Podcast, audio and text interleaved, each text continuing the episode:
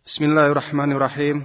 Kantor Kerjasama Dakwah, Bimbingan dan Penyuluhan Agama Islam bagi para pendatang di daerah Rabuah, Riyadh dengan bangga mempersembahkan silsilah studi Islam terpadu mata kuliah Tauhid untuk level pemula dengan penyaji Ustadz Fi'adi Nasruddin Abu Ja'far LC. Pembatal-pembatal keislaman. Bagian kedua. Bismillahirrahmanirrahim. Assalamualaikum warahmatullahi wabarakatuh. Alhamdulillahilladzi khalaqa fasawwa wa qaddara fahada والذي أخرج المرعى أحمده سبحانه على آلائه العظمى وأصلي وأسلم على النبي المجتبى والرسول المصطفى نبينا محمد وعلى آله wa sahbihi wa man ihtada. Amma ba'd. Segala puji bagi Allah salawat dan salam. Semoga tetap tercurahkan kepada penghulu para nabi Muhammad bin Abdullah keluarga sahabat dan umatnya yang setia mengikuti petunjuknya hingga akhir zaman nanti. Kaum muslimin dan muslimat rahimakumullah. Allah subhanahu wa ta'ala telah mewajibkan kepada hambanya untuk masuk ke dalam Islam secara keseluruhan dan berpegang teguh dengannya serta berhati-hati dan waspada untuk tidak menyimpang dari ajarannya. Allah Subhanahu wa taala berfirman fi suratil Baqarah ayat 208 يا أيها الذين آمنوا ادخلوا في السلم كافة ولا تتبعوا خطوات الشيطان إنه لكم عدو مبين Hai orang-orang yang beriman, masuklah kamu ke dalam Islam secara keseluruhan, dan janganlah kamu turut langkah-langkah syaitan. Sesungguhnya syaitan itu adalah musuh yang nyata bagimu. Kaum muslimin dan muslimat rahimakumullah. Allah Subhanahu wa taala juga telah mengutus nabinya Muhammad sallallahu alaihi wasallam untuk mengajak dan menyeru umatnya ke dalam hal ini dan memberitahukan bahwa siapa yang bersedia mengikutinya akan mendapatkan petunjuk dan siapa yang menolaknya akan tersesat jalannya. Di dalam banyak ayat dalam Al-Quran, Allah subhanahu wa ta'ala juga mengingatkan kita untuk selalu menghindarkan diri dan menjauhi sebab-sebab terjadinya kemurtadan, segala bentuk kesyirikan dan warna kekufuran. Para ulama rahimahumullah telah menyebutkan dalam bab hukum kemurtadan bahwa seorang muslim bisa dianggap murtad atau keluar dari Islam dengan melakukan berbagai macam hal yang dapat membatalkan dan menggugurkan keislaman yang menyebabkan halal darah dan hartanya serta dianggap keluar dari agama Islam. Dan yang paling berbahaya dan yang paling banyak terjadi di alam realita kita ada sepuluh yang disebutkan oleh Syekh Muhammad At-Tamimi rahimahullah yang telah kita bahas pada pertemuan sebelum ini ada empat yaitu syirik dalam ibadah kemudian menjadikan perantara antara dirinya dengan Allah meminta doa syafaat dan berserah diri kepada perantara itu kemudian tidak menganggap kafir orang-orang musyrik atau ragu atas kekafiran mereka atau membenarkan mazhab mereka. Dan yang keempat adalah berkeyakinan bahwa tuntunan selain tuntunan Nabi Muhammad sallallahu alaihi wasallam lebih sempurna atau siapa yang berkeyakinan bahwa hukum selain hukum Nabi sallallahu alaihi wasallam lebih baik dan lebih sempurna.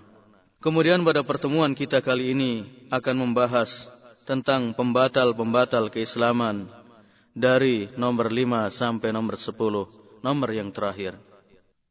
Kaum muslimin dan muslimat rahimakumullah.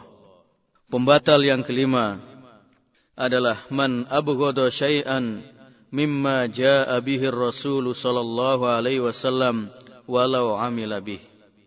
Jadi siapa yang membenci sebagian apa yang datang dari Rasulullah sallallahu alaihi wasallam meskipun ia mengamalkannya maka berarti dia telah kafir berarti telah batalah keislamannya dan berarti telah gugurlah bangunan Islam yang ada pada dirinya dalilnya adalah firman Allah Subhanahu wa taala fi surati Muhammad ayat 9. Dzalika bi annahum karihu ma anzalallahu fa ahbata a'malahum.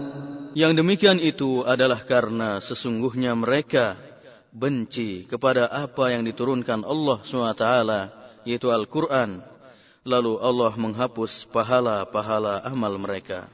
Kaum muslimin dan muslimat, rahimakumullah sisi kekafiran orang-orang yang membenci sebagian apa yang datang dari Rasulullah sallallahu alaihi wasallam meskipun mereka mengamalkannya adalah karena berarti mereka telah mencela dan menghina syariat Allah Subhanahu yang dibebankan kepada hamba-hambanya juga karena berarti mereka berkeyakinan bahwa dalam syariat Allah tidak ada kebahagiaan keberuntungan, petunjuk, dan maslahat bagi manusia. Benci dan enggan serta berpaling dari yang hak atau dari kebenaran adalah merupakan sifat orang-orang kafir Sebagaimana firman Allah Subhanahu wa taala fi surah Muhammad ayat 9 ذلك بأنهم كرهوا ما أنزل الله فأحبط أعمالهم yaitu orang-orang kafir membenci apa yang telah diturunkan Allah Subhanahu wa taala yaitu Al-Qur'an. Mereka tidak menerima tetapi justru malah mereka membencinya. Lihatlah bagaimana keengganan Quraisy menerima kebenaran yang datang dari Rasulullah sallallahu alaihi wasallam. Bahkan setelah mereka melihat mukjizat sebagai penguat risalah, saat mereka melihat bulan terbelah menjadi dua. Justru mereka memberikan ejekan seraya mengucapkan sihrum mustamir. Sihir yang terus menerus. Juga Allah Subhanahu wa taala memberikan gambaran bagaimana kaum Samud yang mendustakan nabinya yaitu Nabi Saleh alaihissalam. Bahkan mereka menggelari nabi yang agung ini dengan julukan bal kadzabun asyir. Sebenarnya dia adalah orang yang amat pendusta lagi sombong. Juga bagaimana perkataan kufar Quraisy setelah dibacakan Al-Quran kepada mereka dengan sombong, dengan takabur, dengan congkak dan bangga diri, mereka mengucapkan in hadza illa asatirul awwalin. Al-Quran ini tidak lain hanyalah dongengan-dongengan orang-orang yang purbakala. Kaum muslimin dan muslimat rahimakumullah. Apa yang mereka lontarkan terhadap para nabi dan wahyu yang diturunkan kepada mereka tidak lain karena kebencian mereka yang teramat sangat terhadap apa yang telah diturunkan Allah Subhanahu wa taala. Membenci ajaran dan apa yang telah diturunkan Allah Subhanahu wa taala juga merupakan sifat dari orang-orang munafik. Meskipun mereka yaitu orang-orang munafik mengerjakan amalan-amalan baik.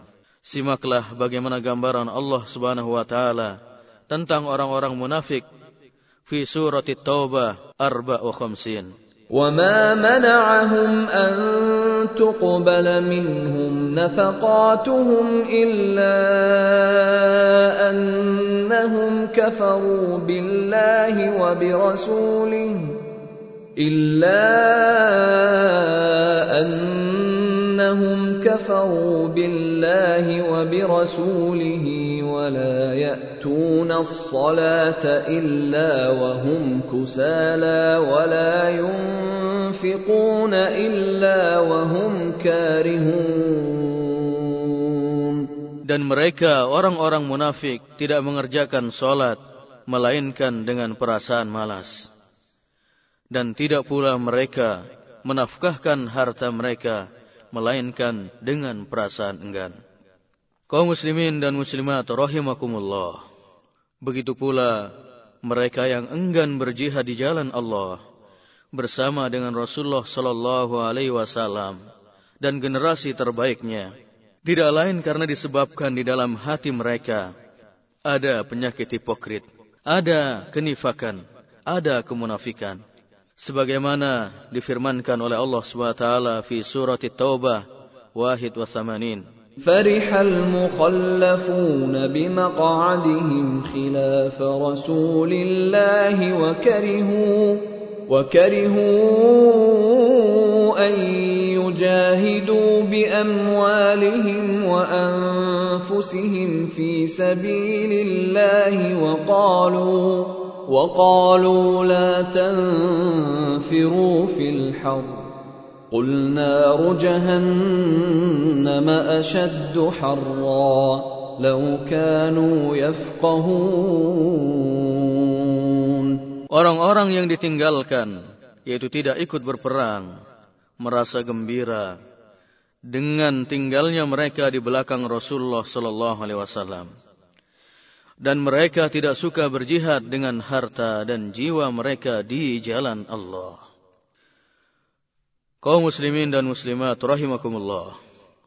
Oleh karena itu, para ulama menyebutkan bahwa membenci, enggan, tidak suka dengan apa yang dibawa oleh Rasulullah sallallahu alaihi wasallam atau sebagiannya saja, maka hal itu sudah terkategorikan dalam nifak akbar yang mengeluarkan pelakunya dari milah dari agama. Jadi bisa kita simpulkan bahwa orang yang membenci ajaran Rasulullah sallallahu alaihi wasallam atau sebagiannya telah menjadi murtad telah keluar dari Islam karena pelakunya telah tergolong sebagai munafik akbar. Sedangkan munafik akbar telah keluar dari millah, dari agama Islam. Dengan demikian, jamaah sekalian yang dirahmati oleh Allah SWT, hendaknya kita mewaspadai perilaku ini. Jangan sampai kita membenci, tidak suka dengan ajaran-ajaran Allah dan Rasulnya, seperti sholat misalnya, sedekah, jihad, zakat, puasa dan lain-lain. Karena kebencian kita terhadap amalan-amalan ini, meskipun kita mengerjakannya, baik dengan malas atau tidak, sadar atau tidak, maka berarti telah gugurlah keislaman kita. Telah batallah keislaman kita. Syekh Mustafa At-Tamimi, Syekh Muhammad At-Tamimi rahimahullah menjelaskan bahwa potret kemunafikan yang menyebabkan pelakunya keluar dari Islam ada enam. Yang pertama adalah takdzibur Rasul. Mendustakan Rasulullah sallallahu alaihi wasallam, mendustakan berita yang beliau sampaikan, mendustakan kepribadiannya ataupun berita-berita yang beliau sampaikan. Yang, yang kedua adalah takdzibu ba'di ma ja'a bihi Rasul. Mendustakan sebagian apa yang dibawa oleh Rasulullah sallallahu alaihi wasallam. Mendustakan sebagian apa yang beliau bawa. Mendustakan ajaran-ajarannya, mendustakan para sahabatnya dan yang lainnya. Kemudian yang ketiga adalah buhdur Rasul membenci Rasulullah sallallahu alaihi wasallam. Kemudian yang keempat adalah buhdu ba'di ma ja'a bihi Rasul. Membenci sebagian apa yang datang dari Rasulullah sallallahu alaihi wasallam. Kemudian yang kelima yang menyebabkan seseorang juga terjatuh ke dalam nifak akbar adalah al-farhu bin khifadi dinir Rasul gembira dengan kemunduran agama Islam. Ketika melihat perpecahan umat, melihat Al-Aqsa dikepung oleh golongan kanan ekstrem Yahudi, ketika kita merasa gembira dengan berita-berita semacam ini, maka berarti ada nifak akbar di dalam jiwa kita. Na'udzubillahi min dalik. Begitu pula ketika melihat umat Islam dicela, umat Islam dibantai, umat Islam mendapatkan musibah, kita merasa gembira. Itu juga berarti di dalam jiwa kita tergenang hipokrit akbar, penyakit kemunafikan. Kemudian yang keenam, yang menandai adanya kemunafikan dalam diri seorang yang membatalkan keislamannya adalah al-karahiyatu binti dinir rasul. Benci dengan kemajuan, kemenangan agama Rasulullah sallallahu alaihi wasallam. Ketika kaum muslimin memenangkan perang Badar, ketika menghadapi kufar Quraisy, Abdullah bin Ubay bin Salul dan konco-konconya merasa benci, merasa enggan dengan berita ini. Begitu pula ketika pada saat sekarang ini kita melihat as-sahwah al-islamiyah umpamanya perkembangan Islam, kebangkitan Islam yang sudah sangat kentara. Kita merasa enggan, kita merasa benci untuk mendengarnya, maka ingatlah bahwa berarti di dalam jiwa kita telah tersemayam, telah bersemi kemunafikan yang akan membatalkan keislaman kita. Semoga kita dapat menghindari keenam hal ini agar keimanan dan keislaman kita tidak gugur dengannya. Kaum muslimin dan muslimat rahimakumullah. Kemudian yang keenam yang membatalkan keislaman kita adalah manistahza'a bi syai'in min dinir rasul au thawabihi au iqabih. Barang siapa yang memperolok-olok, mencela sebagian dari ajaran atau agama Rasulullah sallallahu alaihi wasallam atau memperolok-olok balasan, pahala ataupun azab dan siksanya. Apabila ini dilakukan oleh seseorang, maka berarti gugurlah keislamannya. Dalilnya adalah firman Allah Subhanahu wa taala fi surah At-Taubah 65 ila 66. ولئن سألتهم ليقولن إنما كنا نخوض ونلعب قل أب الله وآياته ورسوله كنتم تستهزئون لا تعتذروا قد كفرتم بعد إيمانكم Dan jika kamu tanyakan kepada mereka tentang apa yang mereka lakukan itu, tentulah mereka akan menjawab, Sesungguhnya kami hanyalah bersenda gurau dan bermain-main saja. Katakanlah, apakah dengan Allah, ayat-ayatnya dan Rasulnya, kamu selalu berolok-olok? Tidak usah kamu minta maaf, karena kamu telah kafir sesudah beriman. Kaum muslimin dan muslimat rahimakumullah. Tentang sebab-sebab turunnya ayat ini adalah sebagaimana diriwayatkan oleh Abdullah bin Umar radhiyallahu anhuma bahwasanya sepulangnya kami dari peperangan Tabuk ini kata Abdullah bin Umar radhiyallahu anhuma di tengah perjalanan pulang ada seorang laki-laki yang berkata ma ra'ayna misla qurra'ina haula arghabu butunan wala akdabu al-sunan wala ajbanu indal liqa yakni Rasulullah wa ashabuh. Kami tidak pernah melihat manusia seperti para korik kita itu maksudnya adalah Rasulullah dan para sahabat ahlul Quran yang hanya memperhatikan perutnya saja paling dusta perkataannya dan paling pengecut di medan laga di medan juang ada seorang sahabat yang bernama Auf bin Malik radhiyallahu an mendengar ucapan orang ini. Dengan serta-merta sang sahabat agung ini membalas ucapannya. Kadzabt, engkau telah berdusta. Walakinnaka anta munafik. Akan tapi engkau adalah seorang munafik. La ukhbiranna Rasulullah sallallahu alaihi wasallam. Ucapanmu tadi akan aku beritahukan kepada Rasulullah sallallahu alaihi wasallam. Setelah Malik Auf bin Malik ini berucap, maka beliau pun bergegas mencari Rasulullah sallallahu alaihi wasallam. Akan tapi sampainya sang sahabat ini di hadapan Rasulullah sallallahu alaihi wasallam, ternyata wahyu yaitu Al-Qur'an telah turun kepada Rasulullah mendahului informasi dari Auf bin Malik yang memberitahukan tentang perkataan orang-orang munafik itu. Perkataan orang munafik itu. Tidak lama berselang, laki-laki itu datang menemui Rasulullah Sallallahu Alaihi Wasallam yang telah bersiap-siap, sudah naik di atas untanya untuk melanjutkan perjalanan. Laki-laki munafik tadi dengan menghibah dan bersimpuh di samping unta Rasulullah Sallallahu Alaihi Wasallam, seraya berkata, Ya Rasulullah, Innama kunna nakhudu wa nal'ab. Hadis ar-rakib naqtau bihi anna tariq. Wahai Rasulullah, sesungguhnya kami hanya bermain-main dan bersendaguro saja. Hadis ar-rakib. Karena perjalanan kami sangat jauh ya Rasulullah. Naqtau bihi anna tariq. Di mana dengan cara bersendaguro dan bermain-main semacam ini, perjalanan yang begitu panjang bisa terobati, bisa terasa dekat ya Rasulullah. Namun Rasulullah Shallallahu Alaihi Wasallam tidak mengindahkan ucapan lelaki tadi dan terus berlalu melanjutkan perjalanan. Hadis ini diriwayatkan oleh Ibnu Jarir.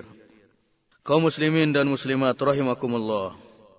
Al-istihza'u bid-din terbagi menjadi dua, memperolok-olok agama, memperolok-olok ajaran Rasulullah sallallahu alaihi wasallam terbagi menjadi dua. Yang pertama adalah al-istihza'u as-sarih, yaitu memperolok-olok agama, memperolok-olok ajaran Rasulullah sallallahu alaihi wasallam dengan bahasa verbal. Ya seperti ucapan orang munafik tadi tentang Rasulullah dan sahabatnya yang digambarkan memiliki perut yang buncit, lisan yang senantiasa berkata-kata dusta, dan pengecut pada saat berperang. Namun sejatinya kaum muslimin dan muslimat rahimakumullah. Dalam realita kehidupan saat ini, banyak kita temukan manusia-manusia yang tidak malu memperolok-olokkan agama Allah Subhanahu wa. Seperti ucapan orang-orang munafik terhadap mereka yang memelihara jenggot dikatakan sebagai manusia titisan dewa, wedus atau Brahma dan lain sebagainya.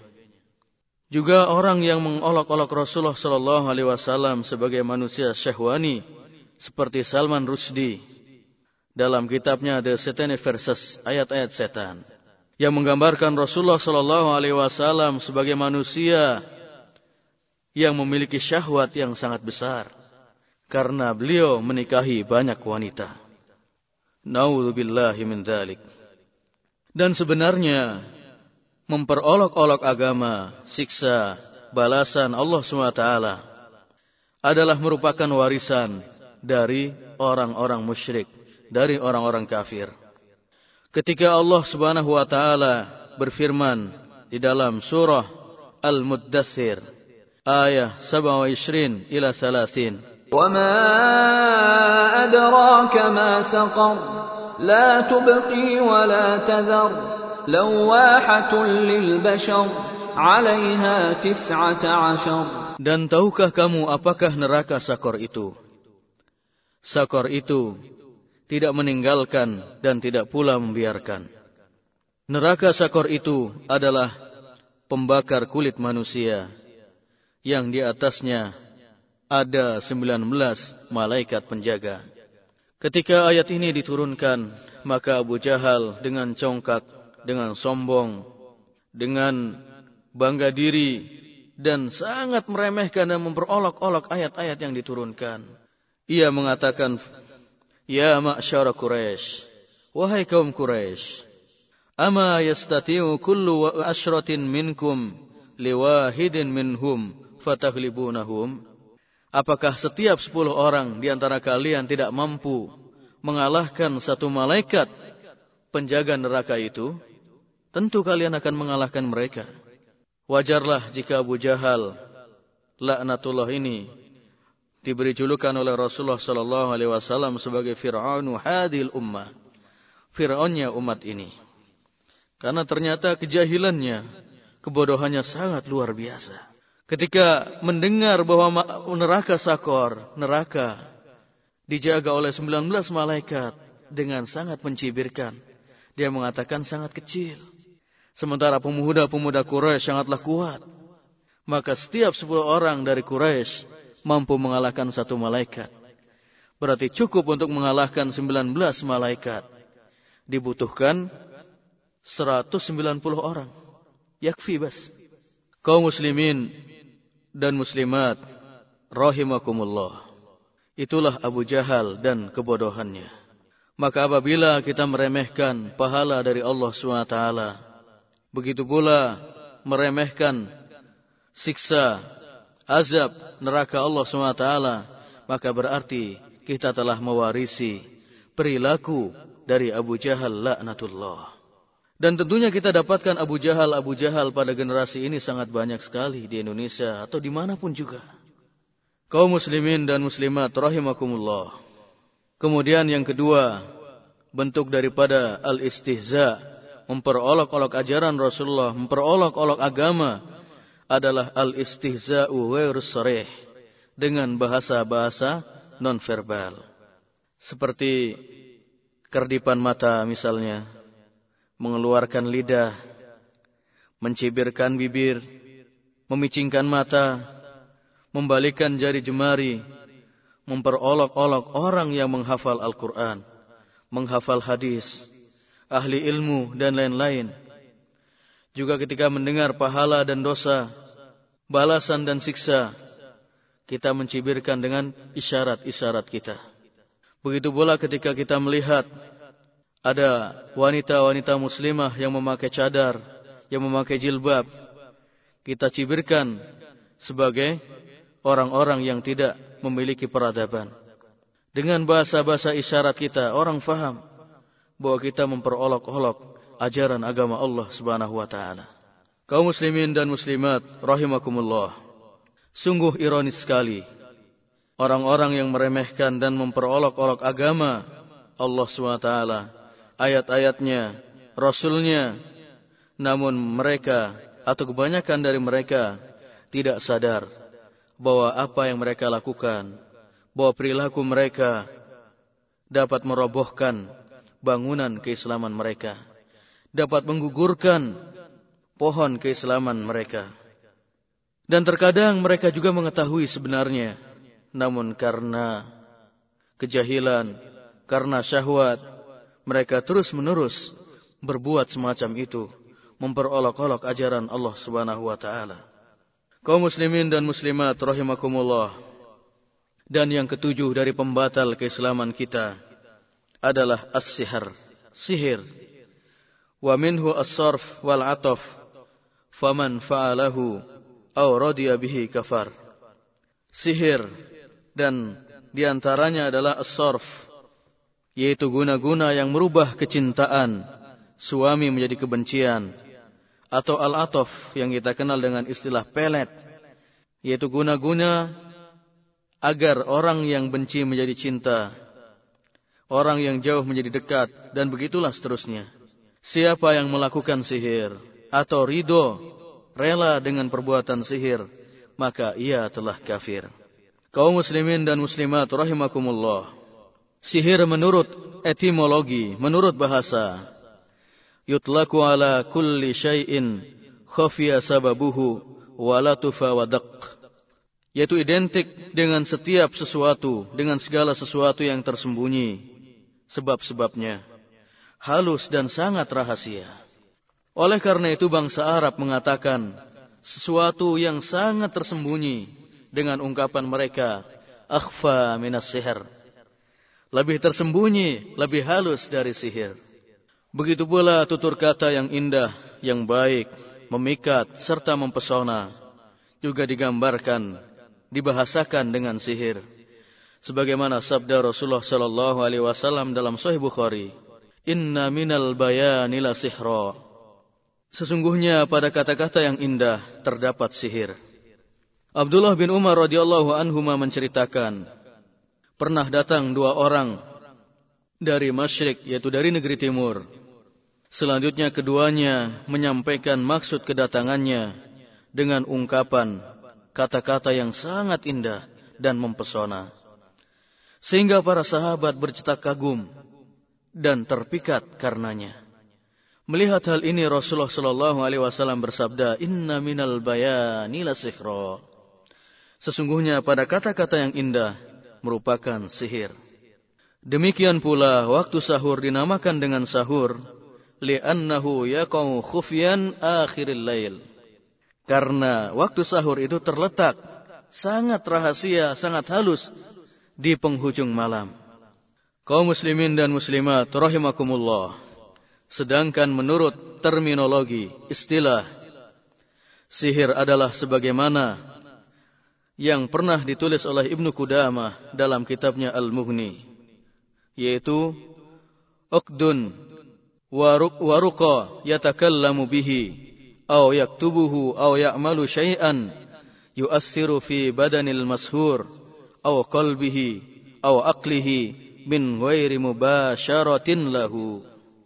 Buhul dan jampi-jampi yang ditupkan melalui suara atau yang ditulis kata-katanya atau dibikin sesuatu kemudian memberikan pengaruh yang sangat jelas terhadap orang yang disihir baik fi badanil masyhur di badannya seperti sahih eh, seperti sakit yang telah menahun bertahun-tahun tidak sembuh sudah pergi ke dokter namun dokter tidak mampu memberikan apa-apa kemudian pergi ke sana kemari, penyakitnya tetap saja bertahan. Bisa jadi penyakit semacam ini, di mana yang tidak terdeteksi oleh para dokter, sebenarnya bisa jadi itu adalah penyakit yang didatangkan oleh orang yang hasad, yang disihir. Atau akalnya, eh, atau hatinya, seperti orang yang tadinya benci, kemudian disihir menjadi cinta yang luar biasa. Kemudian yang tadinya jauh di hati, kemudian didekatkan. Yang tadinya cinta, berubah menjadi benci juga ada. Begitulah sihir. Atau kadang-kadang berpengaruh bagi akal seseorang.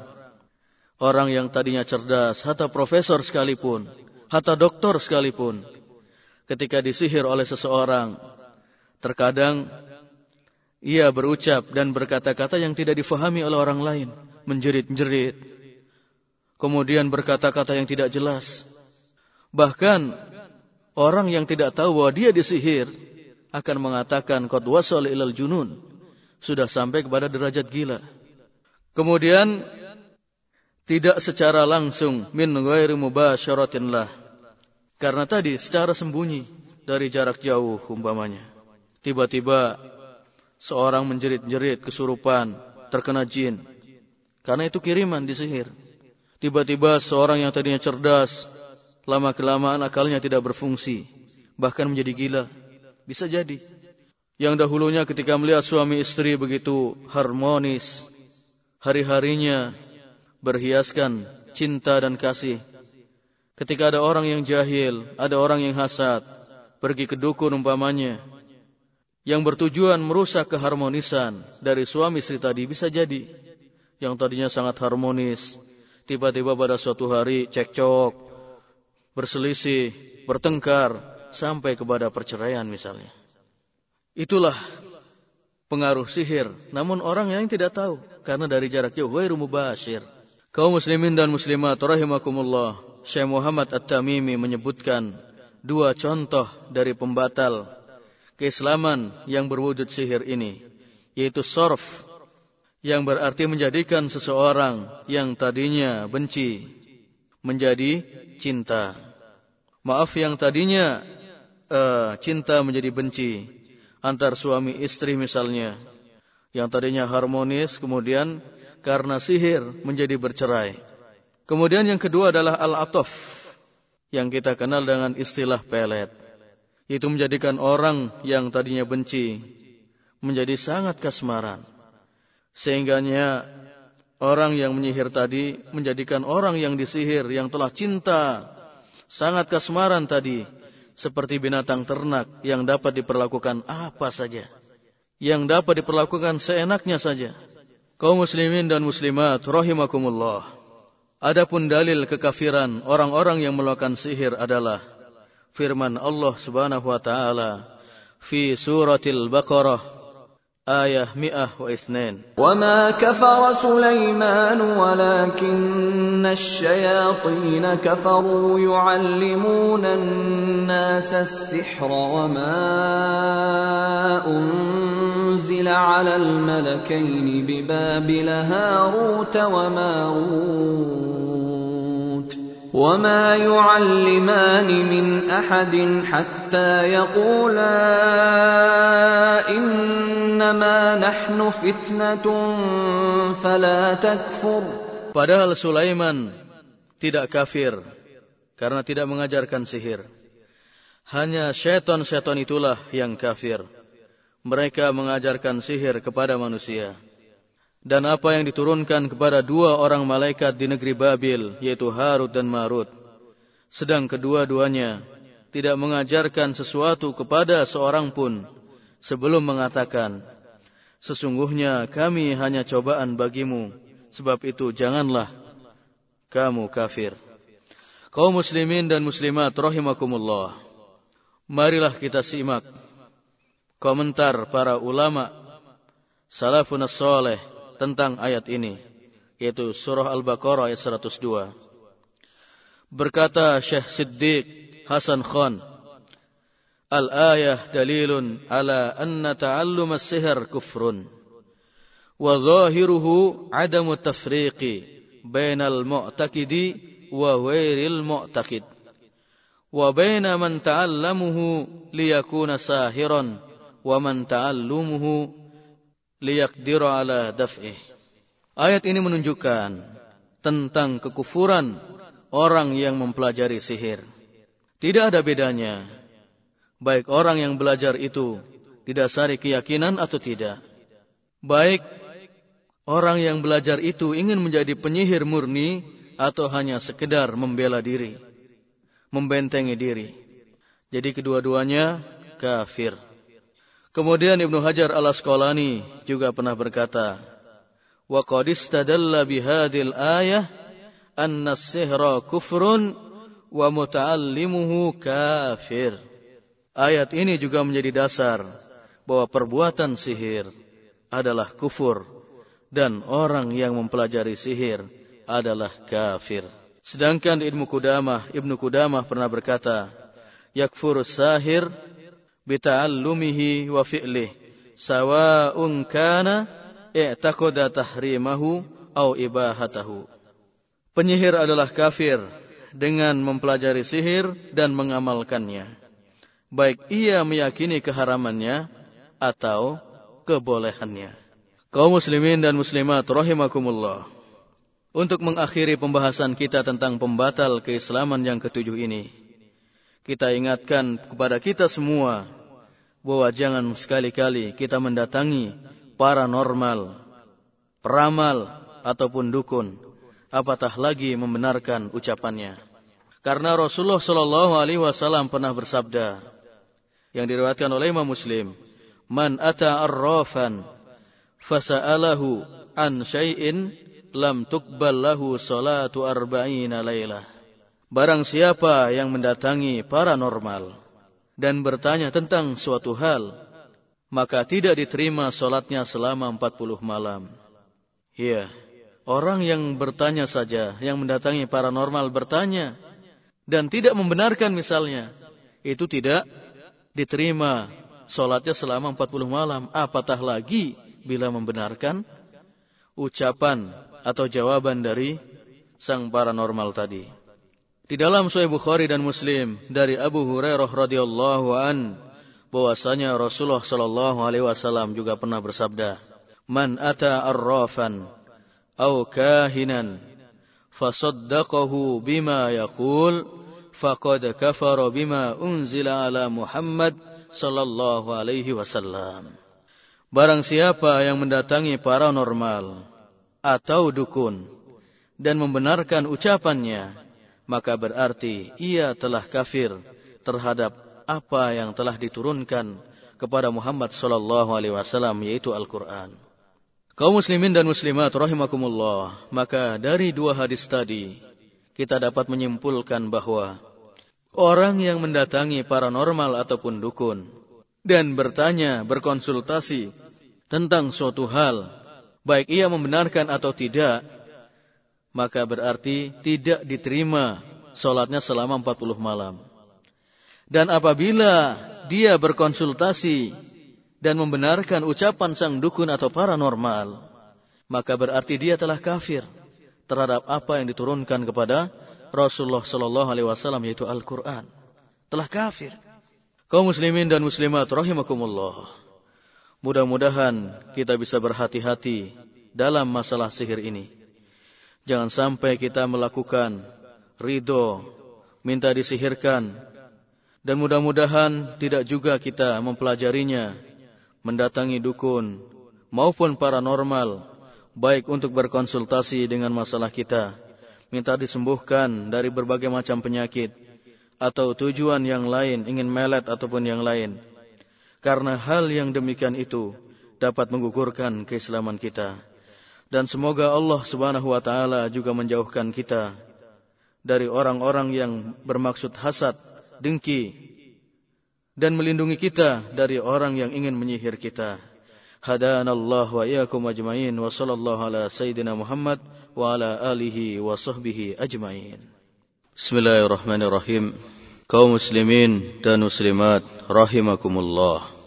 Pembatal keislaman yang kedelapan adalah madzahiratul musyrikin wa muawanatuhum 'alal muslimin yaitu membantu, membela, menolong orang-orang musyrik untuk memusuhi dan memerangi kaum muslimin. Barang siapa yang melakukan hal ini, maka berarti dia telah kafir dan batalah keislamannya. Dalilnya adalah firman Allah Subhanahu wa taala fi suratil Maidah ayat 1 wa 50. ومن يتولهم منكم فإنه منهم إن الله لا يهدي القوم الظالمين Barang siapa di antara kamu mengambil mereka menjadi pemimpin, maka sesungguhnya orang itu termasuk golongan mereka. Sesungguhnya Allah tidak memberi petunjuk kepada orang-orang yang zalim.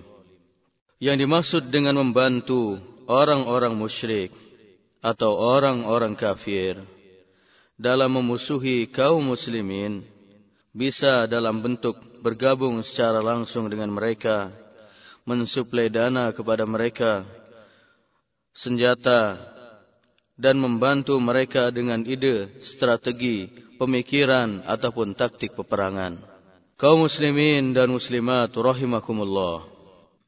Bentuk-bentuk dan warna bantuan dan pembelaan terhadap orang-orang kafir atau orang-orang musyrik dalam memusuhi dan memerangi kaum muslimin ada beberapa hal.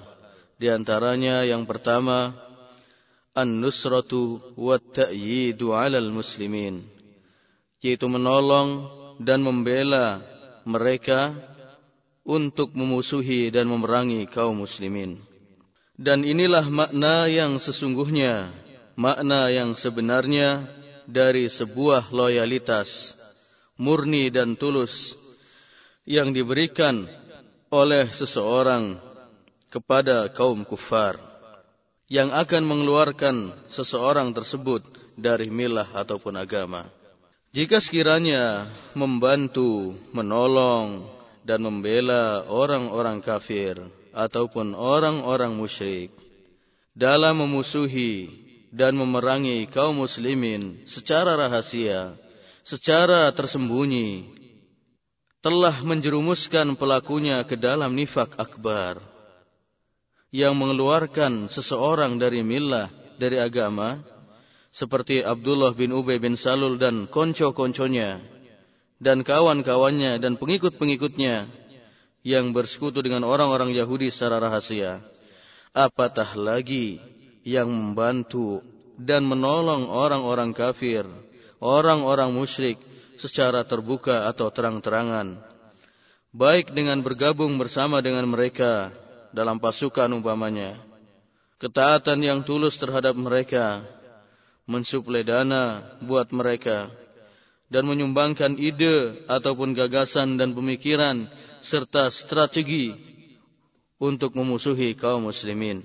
Seumpama membantu orang-orang Yahudi ekstrim kanan atau aliran keras Yahudi dalam mengepung Masjidil Aqsa umpamanya sekarang ini.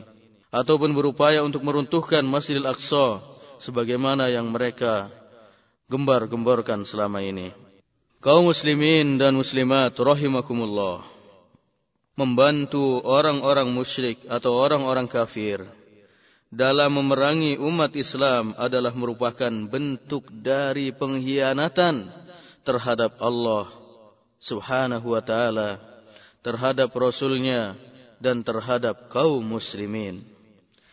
Allah Subhanahu wa taala berfirman fi suratil Maidah ayat 80 ila 81 ترى كثيرا منهم يتولون الذين كفروا.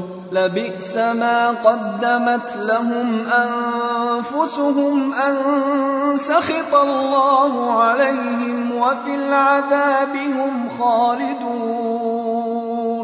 ولو كانوا يؤمنون بالله والنبي وما أنزل إليه ما اتخذوهم أولياء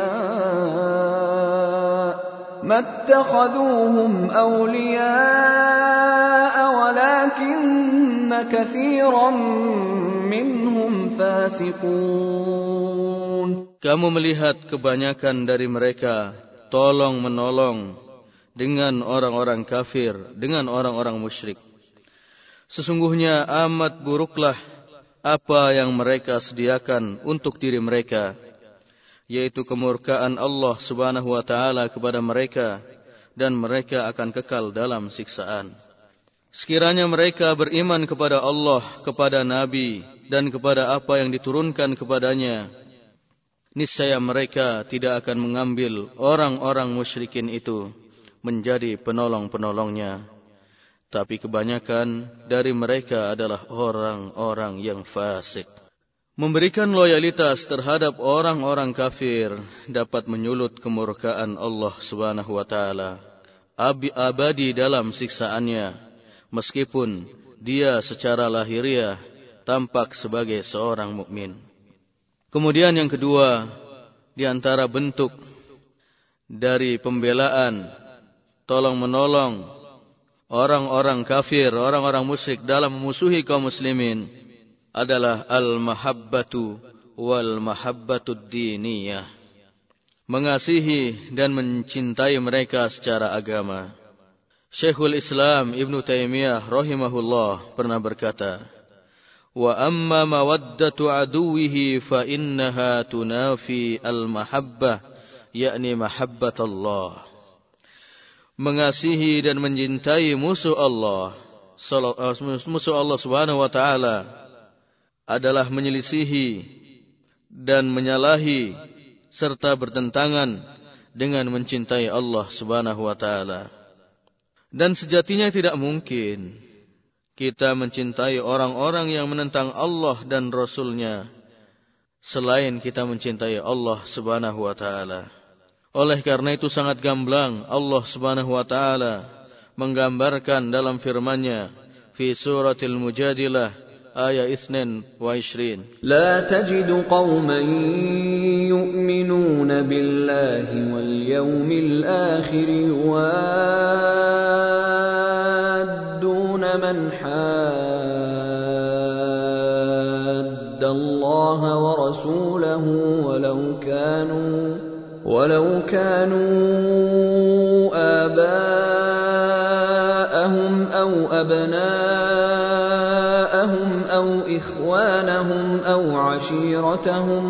Kamu tidak akan mendapati suatu kaum yang beriman kepada Allah dan hari akhir. Saling berkasih sayang dengan orang-orang yang menentang Allah dan Rasulnya. sekalipun orang-orang itu adalah bapak-bapak, anak-anak, atau saudara-saudara, ataupun keluarga mereka. Kaum muslimin dan muslimat rahimakumullah. Tidak mungkin kita memadukan dua cinta, yaitu cinta Allah dan cinta terhadap musuh-musuhnya. Mustahil.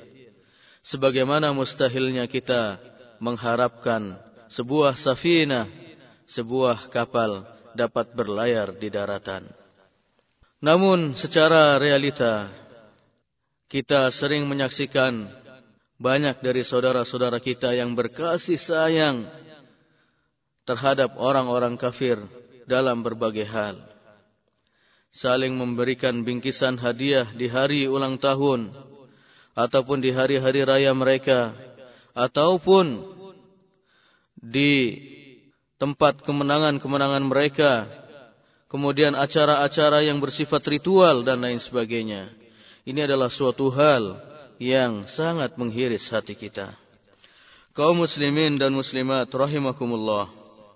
Kemudian yang ketiga yang merupakan bentuk dari pembelaan, pertolongan terhadap orang-orang kafir atau orang-orang musyrik dalam memusuhi kaum muslimin adalah kasratus ziyarah wasiyahah wal iqamah fi biladil kuffar. Banyak berkunjung, refreshing dan tinggal di negeri kufar. Banyak mengadakan perjalanan, berkunjung, refreshing apalagi tinggal di negeri kufar seperti Eropa, Israel dan lain sebagainya dengan alasan yang tidak dibenarkan syar'i seperti untuk berobat, studi, tugas dengan tetap menjaga kredibilitas dirinya sebagai seorang muslim. Namun kebanyakan dari kaum muslimin ziarah ke negeri-negeri barat, ke negeri-negeri kufar, Eropa dalam rangka untuk refreshing, cuci mata, dan yang seirama dengan itu. Bahkan di antara mereka ridho dengan agama dan akhlak mereka. Bahkan ketika pulang ke negerinya, memuji-muji akhlak kaum kufar. Memuji-muji dan menyanjung setinggi langit. Bagaimana peradaban modern mereka. Bagaimana kemodernan mereka. Dan lain sebagainya. Maka berarti dia telah kafir keluar dari millah. Allah Subhanahu wa taala berfirman fi surah Ali Imran ayat 28 لا يتخذ المؤمنون الكافرين أولياء من دون المؤمنين. ومن يفعل ذلك فليس من الله في شيء إلا أن تتقوا منهم تقاه. ويحذركم الله نفسه. وإلى الله المصير Janganlah orang-orang mukmin mengambil orang-orang kafir menjadi wali dengan meninggalkan orang-orang mukmin. Barang siapa berbuat demikian, niscaya lepaslah ia dari pertolongan Allah Subhanahu wa taala kaum muslimin dan muslimat rahimakumullah. Kemudian bentuk pembelaan dan pertolongan terhadap musuh-musuh Allah, orang-orang kafir, orang-orang musyrik dalam memusuhi kaum muslimin adalah at-tashabbuh bil kuffar. Menyerupai orang-orang kafir. Padahal Rasulullah sallallahu alaihi wasallam telah melarang umatnya dari tasyabbuh bil kufar menyerupai orang-orang kafir sebagaimana sabdanya man tasyabbaha biqaumin fahuwa minhum. Barang siapa yang menyerupai suatu kaum maka berarti dia termasuk bagian dari mereka. Hadis riwayat Ahmad. Kaum muslimin dan muslimat rahimakumullah. Contoh daripada tasyabbuh bil kufar menyerupai orang-orang kafir, menyerupai orang-orang musyrik yang menyebabkan syirik atau kafir yaitu seperti kita meyakini bahwa Allah Subhanahu wa taala memiliki, putra, trinitas dan lain sebagainya. Sebagaimana orang-orang Yahudi berkeyakinan bahwa Uzair, Nabi Uzair adalah putra Allah. Begitu pula sebagaimana keyakinan orang-orang Nasrani bahwa Isa al-Masih adalah putra Allah Subhanahu wa taala. Nauzubillahi min dalik. Jadi apabila kita meyakini bahwasanya Allah Subhanahu wa taala sebagai bapa atau memiliki putra, berarti keyakinan kita menyerupai keyakinan orang-orang kafir, menyerupai orang-orang musyrik. Begitu pula mengingkari nama-nama dan sifat-sifat Allah Subhanahu wa taala. Kemudian mengkultuskan orang-orang yang soleh sebagaimana orang-orang Yahudi juga mengkultuskan para rahib dan ulama-ulama mereka. Sehingganya mereka tetap saja mengikuti ulama dan rahib-rahib mereka. Biarpun mereka atau ulama-ulama mereka mengharamkan apa yang dihalalkan oleh Allah SWT. Atau menghalalkan apa yang diharamkan oleh Allah SWT. Mereka tetap saja mengikuti. Itu tidak lain karena mereka telah mengkultuskan para ulama dan rahib-rahib mereka. Maka apabila kita sebagai kaum muslimin mengkultuskan para kiai, para masyayikh, orang-orang yang soleh, maka ada penyerupaan, ada tasyabbuh dalam bidang akidah antara kita dengan mereka. Karena otomatis kalau kita sudah mengkultuskan orang-orang yang soleh, maka tidak ada lagi filter yang baik. Tidak ada keobjektifan dalam penilaian. Bisa saja para ulama kita, kiai-kiai kita telah menyimpang dari kebenaran, maka kita tetap saja menganggapnya sebagai seorang wali yang tidak tidak masalah dalam agama ini. Kaum muslimin dan muslimat rahimakumullah.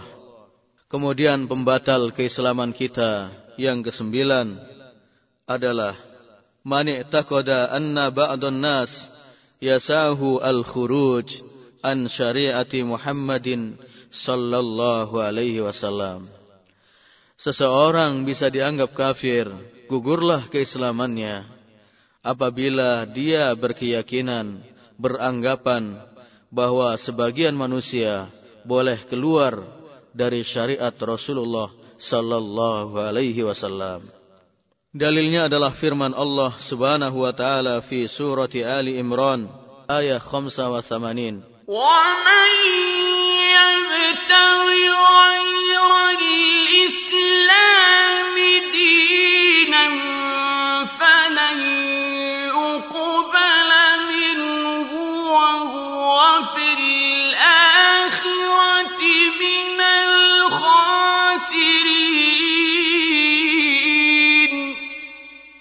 Barang siapa yang mencari agama selain agama Islam, maka sekali-kali tidaklah akan diterima agama itu daripadanya dan dia di akhirat termasuk orang-orang yang rugi.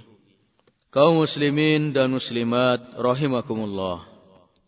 Keyakinan semacam ini banyak diyakini oleh aliran-aliran sufi ekstrim ataupun aliran-aliran kebatinan di negeri kita dan di negeri-negeri yang lain pula. Ibnul Jauzi rahimahullah dalam kitabnya Talbis Iblis pernah menulis pada halaman 496. Sesungguhnya sebagian dari aliran sufi ekstrim dan aliran kebatinan cukup hanya dengan melakukan satu gerakan-gerakan semacam senam beberapa saat saja maka mereka merasa sudah sampai di puncak hakikat ataupun makrifat. Bahkan salah seorang dari mereka pernah berkata, La nubalil an ma amilna wa innamal awamiru wan nawahi rusumun lil awam. Kita tidak perlu lagi beramal, tidak perlu lagi beribadah, salat, zakat, puasa ataupun yang lain. Karena sesungguhnya perintah dan larangan adalah pekerjaan orang-orang yang awam, orang-orang yang bodoh. Kaum muslimin dan muslimat rahimakumullah. Demikianlah penyimpangan yang dialami sebagian aliran sufi ekstrim dan kebatinan. Di mana para syekh mereka, para kiai kiai mereka tidak perlu lagi melakukan sholat, puasa, zakat, ibadah, haji, dan ibadah-ibadah yang lainnya karena anggapan mereka ibadah-ibadah yang disyariatkan oleh Allah Subhanahu wa taala dan Rasulnya sallallahu alaihi wasallam hanya dilakukan oleh orang-orang yang awam, orang-orang yang bodoh. Sementara mereka yang sudah sampai pada hakikat makrifat cukup hanya melakukan gerakan-gerakan seperti gerakan senam dan sejenisnya. Itulah ibadah orang-orang yang telah sampai kepada makrifat menurut mereka. Kaum muslimin dan muslimat rahimakumullah. Bahkan Ibnu Taimiyah rahimahullah pernah menggambarkan tentang keyakinan mereka yaitu sufi ekstrim dan aliran kepercayaan, aliran keyakinan, aliran kebatinan dengan perkataannya. ومن هؤلاء من يحتج بقوله تعالى واعبد ربك حتى يأتيك اليقين Di antara mereka itu orang-orang sufi ada yang berdalih dengan firman Allah Subhanahu wa taala wa'bud rabbaka hatta ya'tiyakal yaqin. Jadi sembahlah Tuhanmu hingga datang kepadamu sesuatu yang diyakini mereka mengatakan wa maknaha artinya adalah u'bud rabbaka hatta yahsulalakal ilm wal ma'rifah. Jadi sembahlah Tuhanmu hingga sampai kepadamu al-ilm yaitu ilmu dan ma'rifah. Faida hasala dzalik saqatat al-ibadah dan apabila seseorang telah sampai kepada derajat ilmu dan ma'rifah, maka berarti ibadahnya telah gugur, sudah tidak perlu lagi ibadah. Kaum muslimin dan muslimat rahimakumullah. Setelah mereka sampai kepada derajat ilmu dan ma'rifah seperti anggapan mereka, maka dibolehkan bagi mereka untuk meninggalkan kewajiban-kewajiban agama, tidak perlu lagi sholat, tidak perlu lagi zakat, tidak perlu lagi puasa, tidak perlu lagi uh, melakukan ibadah haji ataupun kewajiban-kewajiban yang lain di dalam Islam. Dan ketika seseorang telah sampai kepada al ilmu wal ma'rifah sebagaimana anggapan mereka, maka mereka mereka pun dibolehkan untuk melakukan hal-hal yang diharamkan. Boleh melakukan zina, minum al-khamr ataupun yang lain. Dan kenyataan ini sering kita dengar dari saudara-saudara kita yang ada di Bangladesh, yang ada di Jawa Timur, Jawa Tengah, Jawa Barat dan lain sebagainya dari aliran-aliran sufi di mana syekh-syekh mereka boleh melakukan apa saja seperti yang diharapkannya.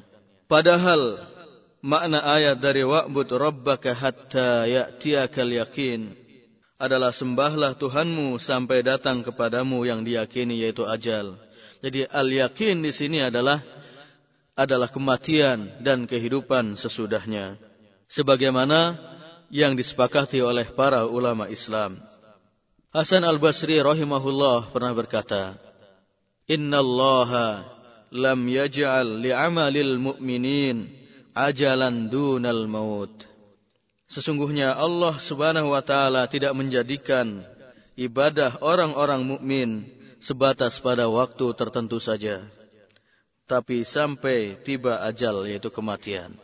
Bahkan Syekhul Islam Ibn Taimiyah rahimahullah pernah berkata, "Wa min haula'i man yadhunnu anna al-istimsaka bisyari'ah ay amran aw nahyan innama yajibu alaihi ma lam yahsul lahu min al-ma'rifati awil hal." Fa idza hasala lahu lam yajib alaihi na idzin al-istimsaka bisyariah an-nabawiyah. Di antara mereka, yaitu orang-orang sufi, orang-orang kebatinan, beranggapan bahwa berpegang teguh kepada syariat yaitu berupa perintah dan larangan diwajibkan kepada orang yang belum mencapai makrifah ataupun al-hal keadaan tertentu. Namun bila sudah mencapai pada martabat itu yaitu al-ma'rifah wal hal maka pada saat itu pula tidak perlu lagi berpegang teguh pada syariat Nabi Muhammad sallallahu alaihi wasallam. Jadi mereka boleh keluar, boleh melakukan apa saja sekehendak hatinya. Al-iradah al-kauniyah, al-qadariyah. Jadi sesuai dengan zauk, dengan perasaan mereka. Sesuai dengan wijdan, sesuai dengan keinginan mereka, hati mereka. Dan sesuai dengan harapan-harapan mereka. Boleh, tafaddul. Itu menurut kepercayaan orang-orang sufi yang telah sampai kepada derajat ma'rifah awil hal kaum muslimin dan muslimat rahimakumullah. Sebagai penutup dari pembahasan pembatal keislaman yang kesembilan ini, mari kita mengutip perkataan Syekhul Islam Ibn Taimiyah rahimahullah. Sesungguhnya Muhammad bin Abdullah sallallahu alaihi wasallam adalah rasul Allah yang diutus bagi seluruh umat, bagi seluruh manusia, bagi bangsa Arab ataupun bagi bangsa non-Arab bagi para penguasa ataupun rakyat jelata yang zuhud, para ulama maupun orang-orang yang awamnya. Dan bahwasanya risalah beliau tetap langgeng sampai berakhirnya kehidupan ini. Bahkan risalahnya mencakup dua jenis makhluk, yaitu jin dan manusia seluruhnya. Tidak dibenarkan seorang pun dari makhluknya keluar dari syariat Rasulullah sallallahu alaihi wasallam dan apa-apa yang telah diajarkan kepada mereka dari perintah dan larangan. Bahkan sekiranya ada nabi, nabi yang diutus sebelumnya dihidupkan kembali ke muka bumi ini, niscaya wajib bagi mereka, yaitu para nabi itu, untuk mengikuti dan mentaati Rasulullah sallallahu alaihi wasallam. Jika kita mau membuka hadis-hadis sahih mengenai turunnya Nabi Isa alaihissalam di akhir zaman, niscaya kita akan mendapatkan satu arahan yang jelas dan gamblang bahwa Nabi Isa alaihissalam diturunkan kembali oleh Allah SWT ke muka bumi dalam rangka untuk membunuh Dajjal, menghancurkan salib-salib, dan juga untuk melaksanakan syariat Rasulullah Sallallahu Alaihi Wasallam bukan syariatnya sendiri kaum muslimin dan muslimat rahimakumullah. Kemudian yang ke-10 dari pembatal-pembatal keislaman adalah al-i'radu an dinillahi la yata'allamuhu wa la ya'malu bihi. Berpaling dari agama Allah Subhanahu wa taala, tidak mau mempelajarinya dan tidak pula mengamalkannya. Berpaling dari agama Allah tidak mempelajari dan tidak pula mengamalkan adalah bentuk dari kekafiran, bentuk dari kekufuran. Allah Subhanahu wa taala berfirman fi surat As-Sajdah ayat 22 ومن أظلم ممن ذكر بآيات ربه ثم أعرض عنها إنا من المجرمين منتقمون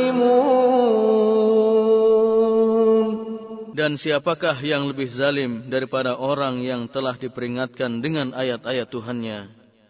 Kemudian ia berpaling daripadanya. Sesungguhnya kami akan memberikan pembalasan kepada orang-orang yang berdosa. Kaum muslimin dan muslimat rahimakumullah. Maksud dari ayat Al-I'rad adalah berpaling secara sempurna. Berpaling secara sempurna dari agama Allah Subhanahu wa taala. Tidak mau mempelajari dan tidak pula mengamalkannya. Yaitu lari dari ketaatan terhadap Rasulullah sallallahu alaihi wasallam. Menutupi dirinya dari berittiba kepada Rasulullah sallallahu alaihi wasallam dan menghalang-halangi tegaknya syariat Islam. Jika amalan-amalan lahiriah seperti sholat, zakat, sedekah, hijab, dan lain-lain adalah merupakan dasar keimanan. Maka meninggalkan secara keseluruhan dan berpaling darinya merupakan dasar kekufuran dan keluar dari millah. Setiap orang yang berpaling dari petunjuk Allah SWT dan Rasulnya, pastilah ia pada hari kiamat akan mengucapkan sebagaimana yang terabadikan fi surat Az-Zuhruf ayat 38 hatta idza ja'ana qala ya laita baini wa bainaka bu'dal mashriqain fa bi'sal qarin Aduhai semoga jarak antaraku dan kamu seperti jarak antara timur dan barat maka syaitan itu adalah sejahat-jahat teman yang menyertai manusia. Kaum muslimin dan muslimat rahimakumullah. Al-Quran telah menyebutkan bahwa berpaling dari agama Allah termasuk sifat-sifat munafik. Dan lari dari ketaatan terhadap agama juga merupakan bentuk nifak, hipokrit, dan kepalsuan. Allah subhanahu wa ta'ala berfirman fi surat An-Nisa ayat wahid idza qila lahum ta'alu ila ma anzala Allah wa ila ar-rasul ra'aita al-munafiqina yasudduna 'anka sududan. Dan apabila dikatakan kepada mereka, marilah kamu tunduk kepada hukum yang Allah telah turunkan dan kepada hukum Rasul, niscaya kamu lihat orang-orang munafik menghalangi manusia dengan sekuat-kuatnya dari mendekati kamu. Kaum muslimin dan muslimat rahimakumullah. Ibnu Taimiyah pernah berkata, ayat ini menerangkan bahwa siapa yang lari dari ketaatan kepada Rasulullah sallallahu alaihi wasallam dan berpaling dari hukumnya maka dia termasuk dalam golongan orang-orang munafik dan bukan golongan orang-orang mukmin. Karena sesungguhnya orang-orang mukmin adalah orang-orang yang mengatakan sami'na wa ata'na. Kami dengar dan kami taat. Bukan sami'na wa asoyna. Kami dengar dan kami durhakai.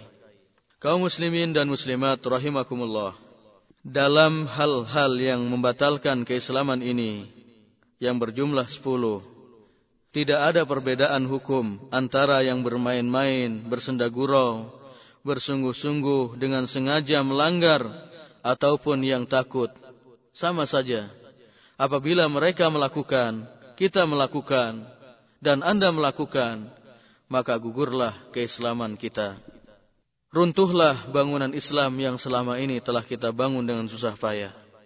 Kecuali orang yang dipaksa dan memang sudah makruf bahwa kata-kata dipaksa identik dengan ucapan dan perbuatan. Misalnya, saya dipaksa untuk mengucapkan ini dan itu. Saya dipaksa untuk melakukan ini dan itu. Tetapi tidak ada pemaksaan dalam keyakinan. Karena keyakinan adanya dalam hati. Tidak mungkin dipaksakan. Kaum muslimin dan muslimat rahimakumullah, ke sepuluh pembatal keislaman yang telah kita bahas adalah merupakan pembatal-pembatal keislaman yang paling berbahaya dan paling banyak terjadi. Maka setiap kita hendaknya berusaha untuk menghindari dan takut darinya. Kita berlindung kepada Allah Subhanahu wa taala dari hal-hal yang dapat mendatangkan kemurkaannya dan kepedihan siksaannya. Manusia yang paling baik adalah Rasulullah sallallahu alaihi wasallam maka tidak ada keselamatan dan tidak ada kebaikan kecuali mengikuti ajaran dan sunnah-sunnahnya. Oleh karena itu kita ucapkan salawat dan salam terhadap Rasulullah sallallahu alaihi wasallam, manusia yang paling baik dan mulia, juga kepada keluarga, sahabat-sahabatnya, dan umatnya yang senantiasa setia melaksanakan ajaran-ajaran dan sunnahnya hingga akhir zaman. Dan akhirnya mohon maaf kepada kaum muslimin dan muslimat yang berbahagia apabila ada kata-kata yang kurang berkenan, ada khilafan-kehilafan tanpa unsur kesengajaan dari pembahasan kita ini. Hadanallah wa iyyakum ajmain. Wa sallallahu ala sayyidina Muhammad wa ala alihi wa sahbihi ajmain. Bismillahirrahmanirrahim. Assalamualaikum warahmatullahi wabarakatuh. الحمد لله الذي نحمده ونستعينه ونستغفره ونتوب إليه. ونعوذ بالله من شرور أنفسنا ومن سيئات أعمالنا. من يهده الله فلا مضل له ومن يضلله فلا هادي له. أشهد أن لا إله إلا الله وحده لا شريك له. وأشهد أن محمدا عبده ورسوله. أما بعد. يا أيها الذين آمنوا اتقوا الله حق تقاته ولا تموتن إلا وأنتم مسلمون. يا أيها الناس اتقوا ربكم الذي خلقكم من نفس واحدة وخلق منها زوجها وبث منهما رجالا كثيرا ونساء. واتقوا الله الذي تساءلون به والأرحام. إن الله كان عليكم رقيبا. يا أيها الذين آمنوا اتقوا الله وقولوا قولا سديدا. يصلح لكم أعمالكم ويغفر لكم ذنوبكم. ومن يطع الله ورسوله فقد فاز فوزا عظيما Pertama-tama marilah kita memanjatkan puji dan syukur kehadirat Allah Subhanahu wa taala yang sampai pada detik ini masih terus mencucurkan segala nikmat, karunia, inayah, hidayah dan taufiknya sehingganya kita sampai pada detik ini pula masih dapat melaksanakan kewajiban kita yaitu tafaqquh fid. Salawat dan salam semoga senantiasa tercurahkan kepada Rasul junjungan kita Nabi Agung Muhammad sallallahu alaihi wasallam sebagai kedua hasanah kita di dalam meniti hidup dan kehidupan ini. Kaum muslimin dan muslimat rahimakumullah. Pembahasan kita pada pertemuan kita kali ini adalah nawaqidul Islam, pembatal-pembatal keislaman kita. Di mana ada beberapa hal yang apabila kita lakukan, baik dengan sadar atau tidak, akan menggugurkan keislaman kita. Kaum muslimin dan muslimat rahimakumullah.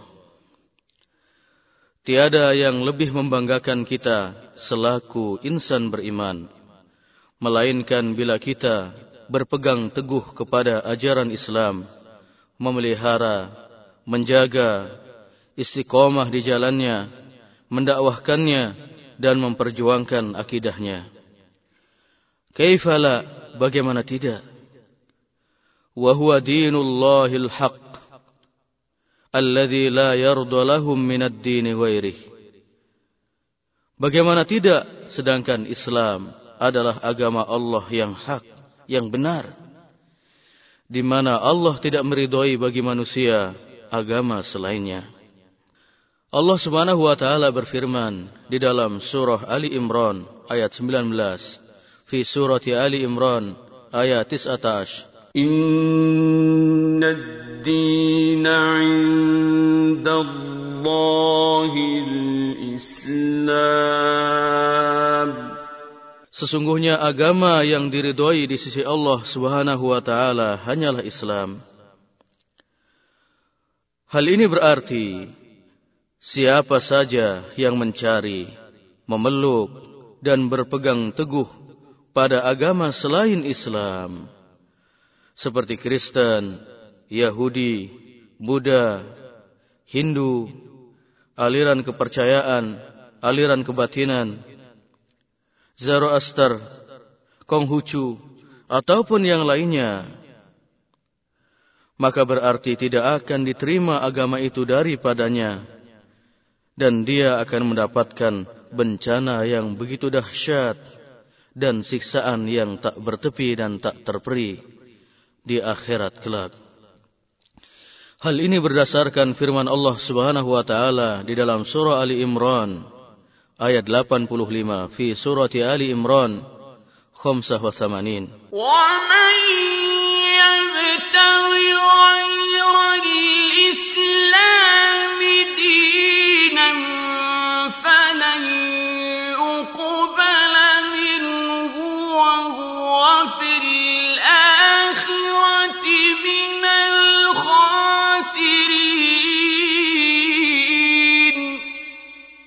Barang siapa yang mencari agama selain agama Islam, maka sekali-kali tidaklah akan diterima agama itu daripadanya dan dia di akhirat termasuk orang-orang yang merugi. Kaum muslimin dan muslimat yang dirahmati oleh Allah Subhanahu wa taala. Tiada kelurusan dalam beragama tanpa adanya kelurusan tauhid. Sedangkan kelurusan tauhid ditempuh dengan jalan berpegang teguh kepada kitab Al-Quran dan sunnah Rasulullah sallallahu alaihi wasallam. Untuk tujuan tauhid itulah manusia dan makhluk seperti jin dan yang lainnya diciptakan. Para nabi dan rasul diutus. Kitab-kitab samawi seperti Zabur, Taurat, Injil, Al-Quran, dan lembaran-lembaran suhuf Ibrahim dan Musa diturunkan dari langit. Dan dengan tauhid itulah maka manusia terbagi menjadi dua kelompok. Ada yang mukmin, ada yang kafir. Ada yang berbahagia, ada yang sengsara di akhirat kelak. Allah Subhanahu wa taala telah memerintahkan kita kepada Islam dan iman dan memperingatkan kita agar tidak terprosok dan terjatuh ke jurang riddah, kemurtadan dan kekufuran. Allah Subhanahu wa taala berfirman di dalam surah Muhammad ayat 25 fi surati Muhammad 25 Innal ladzina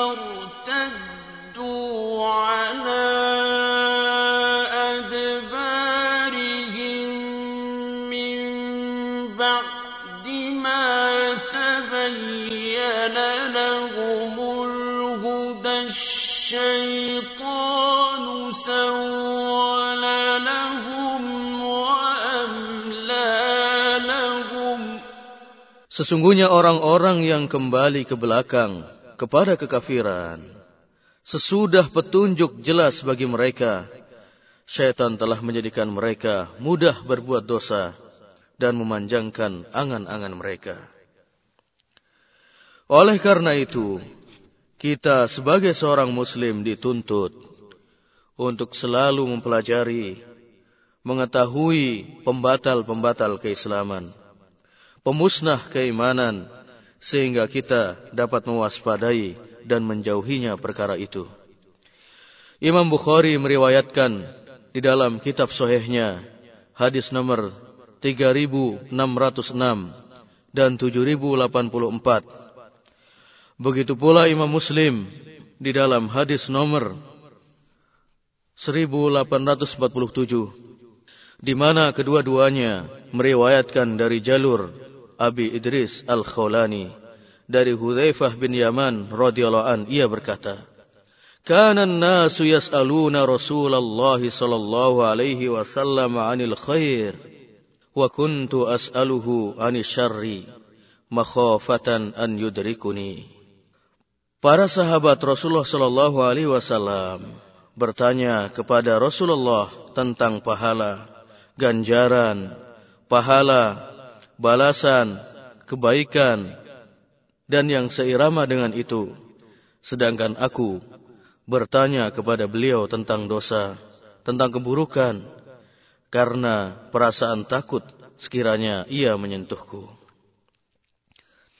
Kaum muslimin dan muslimat rahimakumullah. Allah Subhanahu wa taala telah menerangkan dalam kitabnya.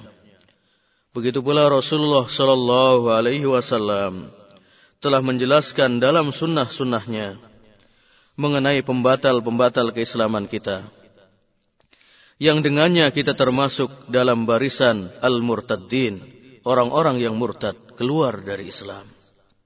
Para ulama dan ahlul ilm telah mengumpulkan dan membahasnya dalam kitab-kitab mereka. Salah satu di antaranya adalah Syekh Muhammad At-Tamimi rahimahullah yang telah menulis dan mengumpulkan pembatal-pembatal keislamannya itu dalam sebuah risalah, buku kecil, buku saku yang diberi judul Nawakidul Islam, pembatal-pembatal keislaman. Syekh Tamimi rahimahullah menyebutkan bahwa Nawakidul Islam, pembatal-pembatal keislaman itu ada sepuluh perkara, ada sepuluh butir. Dan inilah yang insya Allah akan kita akan kita bahas satu persatu agar kita senantiasa dalam keadaan waspada dan tidak terjatuh ke dalamnya. Kaum muslimin dan muslimat rahimakumullah. Pembatal keislaman kita yang pertama adalah asyirku fi ibadatillah. Syirik dalam beribadah kepada Allah Subhanahu wa taala. Dalilnya adalah firman Allah SWT di dalam surah An-Nisa ayat 48 fi suratin Nisa samaniyah wa arba'in.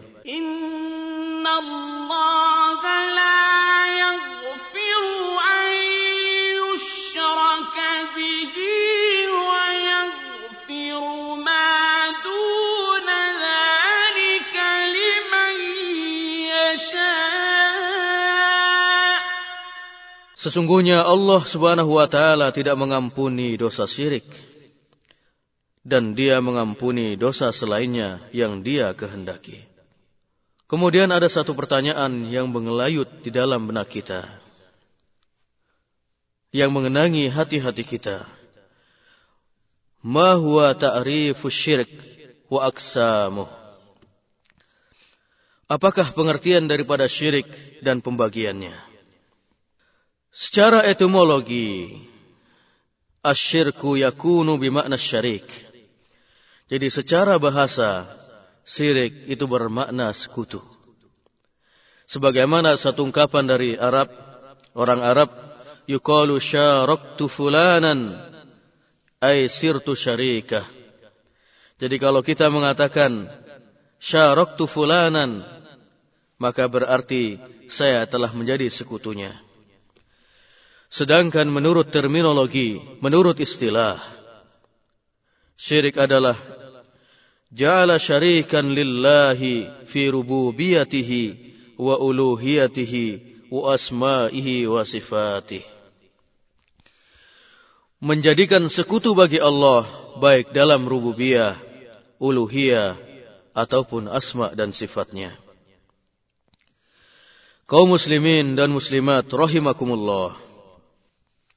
Tidak syak lagi bahwa syirik adalah asal dan sumber dari setiap keburukan, setiap bencana, dan ia merupakan dosa yang teragung secara mutlak. Tidak ada dosa yang lebih besar daripada syirik. Begitu pula syirik adalah satu-satunya dosa yang Allah Subhanahu wa taala menafikan ampunan kepada pelakunya. Sebagaimana pula ia akan membuat amalan baik seseorang menjadi sia-sia tak berbekas. Dan bahkan akan mengabadikan pelakunya di dalam neraka. Allah subhanahu wa ta'ala berfirman di dalam surah Al-Ma'idah ayat 72. Fi suratil Ma'idah 72.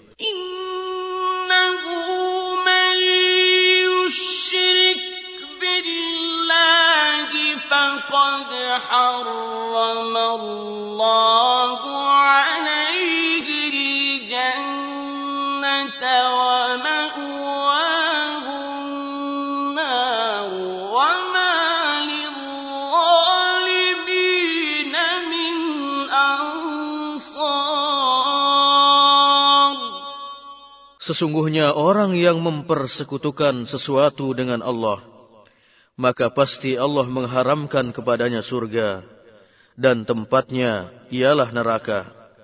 Tidaklah ada bagi orang-orang yang zalim itu seorang penolong pun.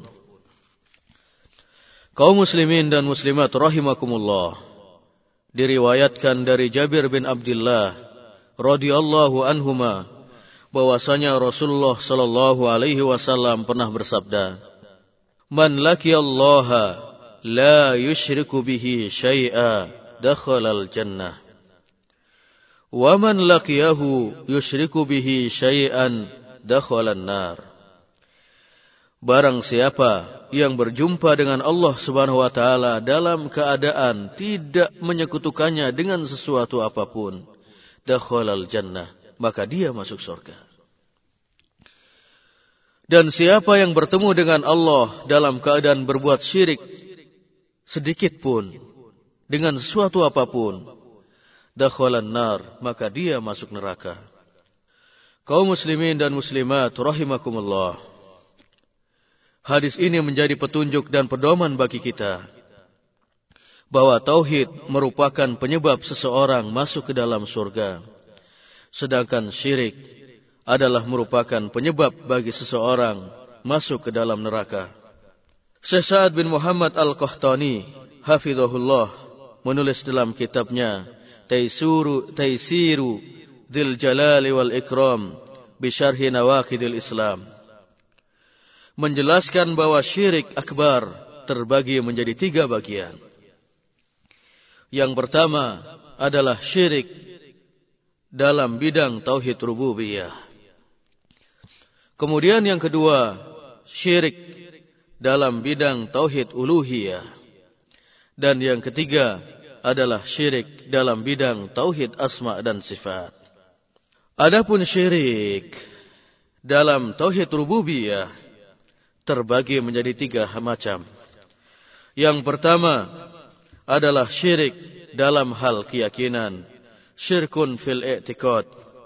Ka'tiqadi anna hunaka man yakhluku aw yuhyi aw yumitu aw yamlik أو يتصرف في هذا الكون أحد مع الله لأنها من أفعال الله التي يختص بها فلا تجعل لغيره seperti seseorang yang meyakini bahwa di sana ada yang menciptakan, ada yang menghidupkan, ada yang mematikan, ada yang berkuasa, ada yang memelihara, mengatur alam semesta ini selain Allah Subhanahu wa taala. Mengapa ini syirik? Li'annaha min af'alillahi allati yakhtassu bihi.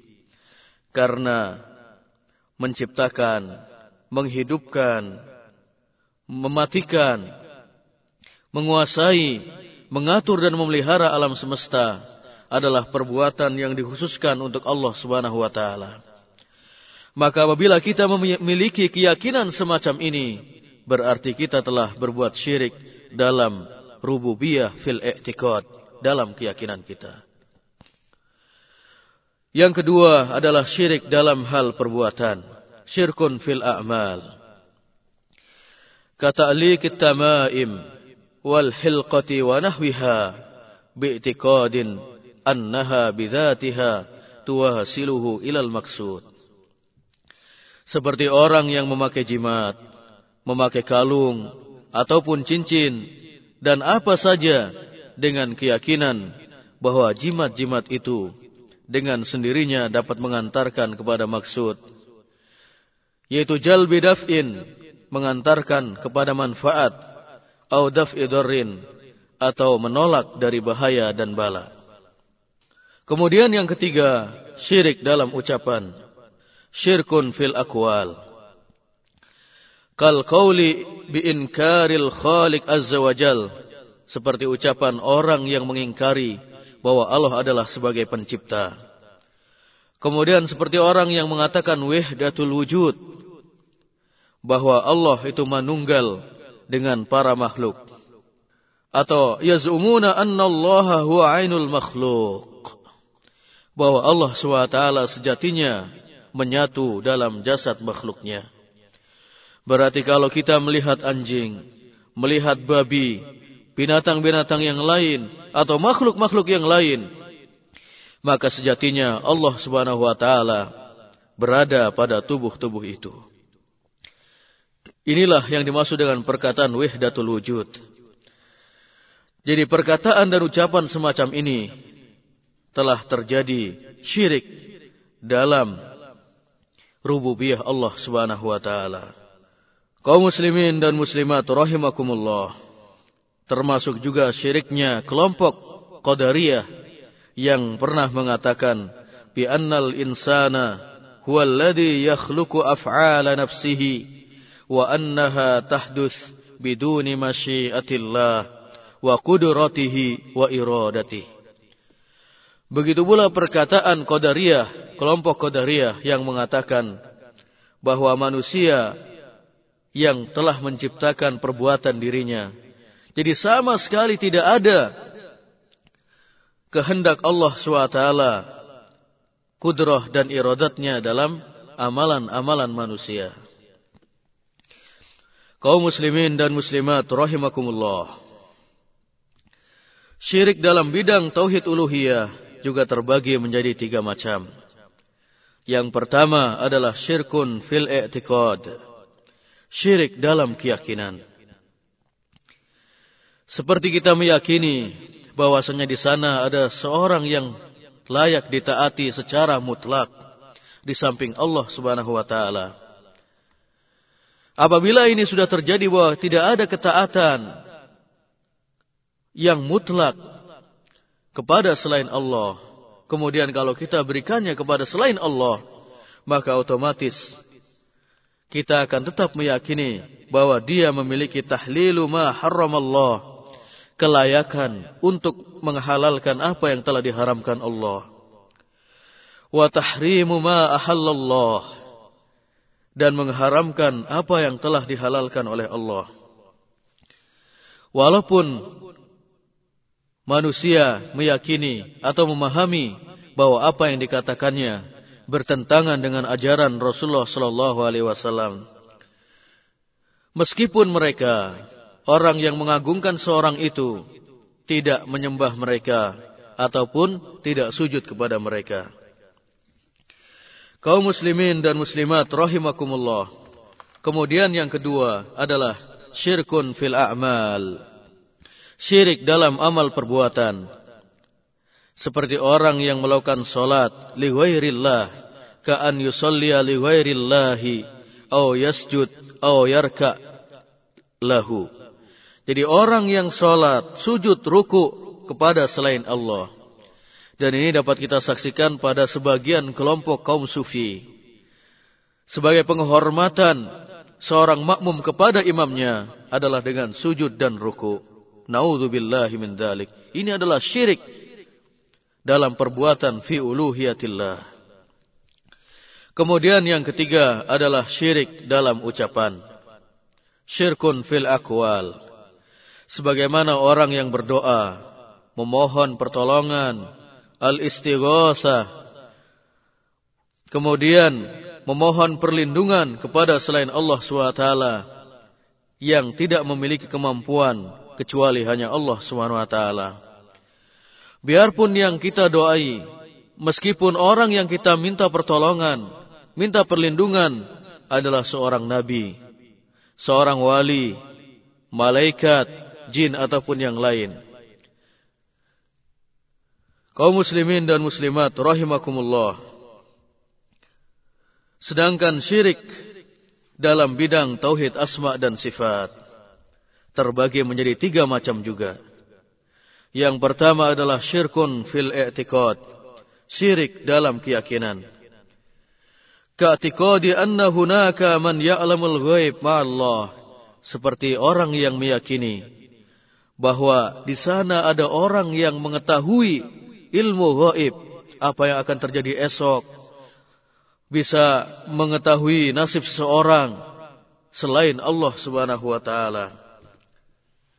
Hal ini banyak kita saksikan pada sebagian kelompok sufi, aliran kebatinan, Syiah Rafidah yang meyakini bahwa para imam, mengetahui perkara-perkara yang gaib, apa yang akan terjadi esok hari.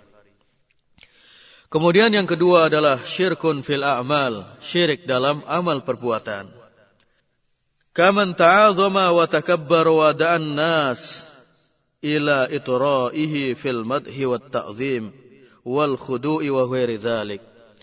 Seperti orang yang mengagungkan dirinya, takabbur, sombong dan mengajak manusia untuk memuji dirinya sampai pujian yang selangit tunduk di hadapannya, mengagungkannya sebagaimana mereka mengagungkan Allah Subhanahu wa taala. Maka apabila telah sampai pada batas semacam ini, dia telah terjatuh ke dalam syirik fi asma'illah wa sifatih. Sebagaimana ungkapan Ibnu Qayyim Al-Jauziyah dalam kitabnya Al-Jawab Al-Kafi, faqad tashabbaha billahi wa nazahu fi rububiyatihi wa ilahiyatihi. Berarti orang yang sombong, minta diagungkan, minta dipuji oleh manusia, telah menyerupai Allah Subhanahu wa taala dan telah menantang Allah dalam rububiyah dan uluhiyahnya. Sedangkan yang ketiga adalah syirkun fil aqwal. Syirik dalam ucapan. Sebagaimana perilaku orang-orang musyrik Quraisy yang memberi nama berhala-berhala mereka dari nama-nama Allah atau dengan nama-nama Allah seperti Al-Lata yang diambil dari Al-Ilah, Al-Uzza yang diambil dari nama Allah Al-Aziz dan Al-Manat yang diambil dari nama Allah Al-Mannan. Kaum muslimin dan muslimat rahimakumullah. Syekh Tamimi dalam risalah risalahnya Nawakidul Islam memberikan beberapa contoh syirik yang telah membahana di persada negeri. Di antaranya adalah wa min dzalika du'aul amwat berdoa kepada orang-orang yang telah mati. Berdoa kepada selain Allah, baik kepada para malaikat, nabi, wali, jin ataupun yang lainnya adalah syirik. Karena doa termasuk salah satu bentuk ibadah kepada Allah SWT. Di mana doa tidak akan terlantunkan kecuali dengan kecintaan, dengan pengagungan, dengan kepatuhan dan ketundukan, serta kehusuan dan keyakinan bahwa yang kita doakan atau yang kita berdoa kepadanya dapat mengabulkan permohonan kita. Lihatlah kalau kita berkunjung ke Masjid Nabawi, kita berziarah ke sana, kemudian kita berziarah ke makam Rasulullah sallallahu alaihi wasallam, maka kita saksikan berapa banyak manusia yang sampai meneteskan air mata berdoa kepada Rasulullah sallallahu alaihi wasallam meminta ini dan itu. Bahkan sering kita mendengar dari lisan-lisan mereka satu doa. Ya Rasulullah, isfi maridi.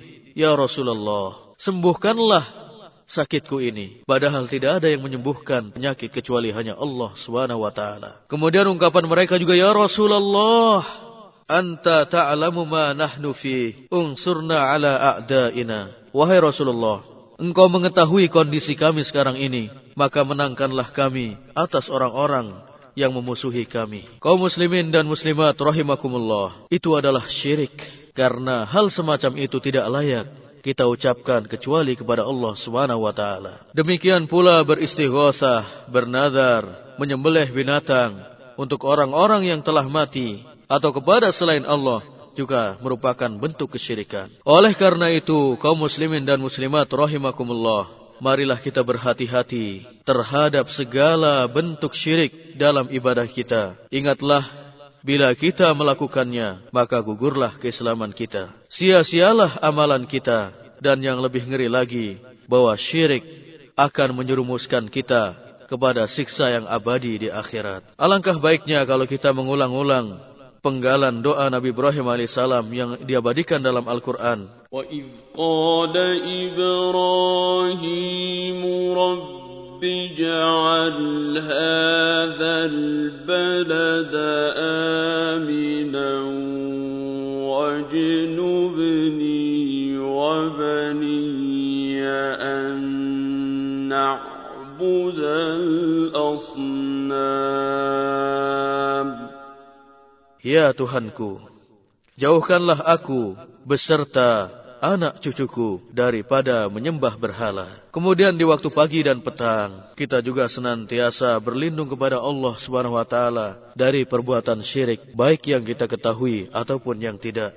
Allahumma inna na'udzubika min an nusyrika bika syai'an na'lamu wa nastaghfiruka lima la na'lamu. Ya Allah, sesungguhnya kami memohon perlindungan kepadamu dari perbuatan syirik yang kami ketahui dan kami memohon ampun kepadamu dari perbuatan syirik yang tidak kami ketahui. Mudah-mudahan kita dapat menjauhi dan mewaspadai segala bentuk kesyirikan dalam ibadah kita. Hadana Allah wa iyyakum ajmain wa sallallahu ala sayyidina Muhammad wa ala alihi wa sahbihi ajmain.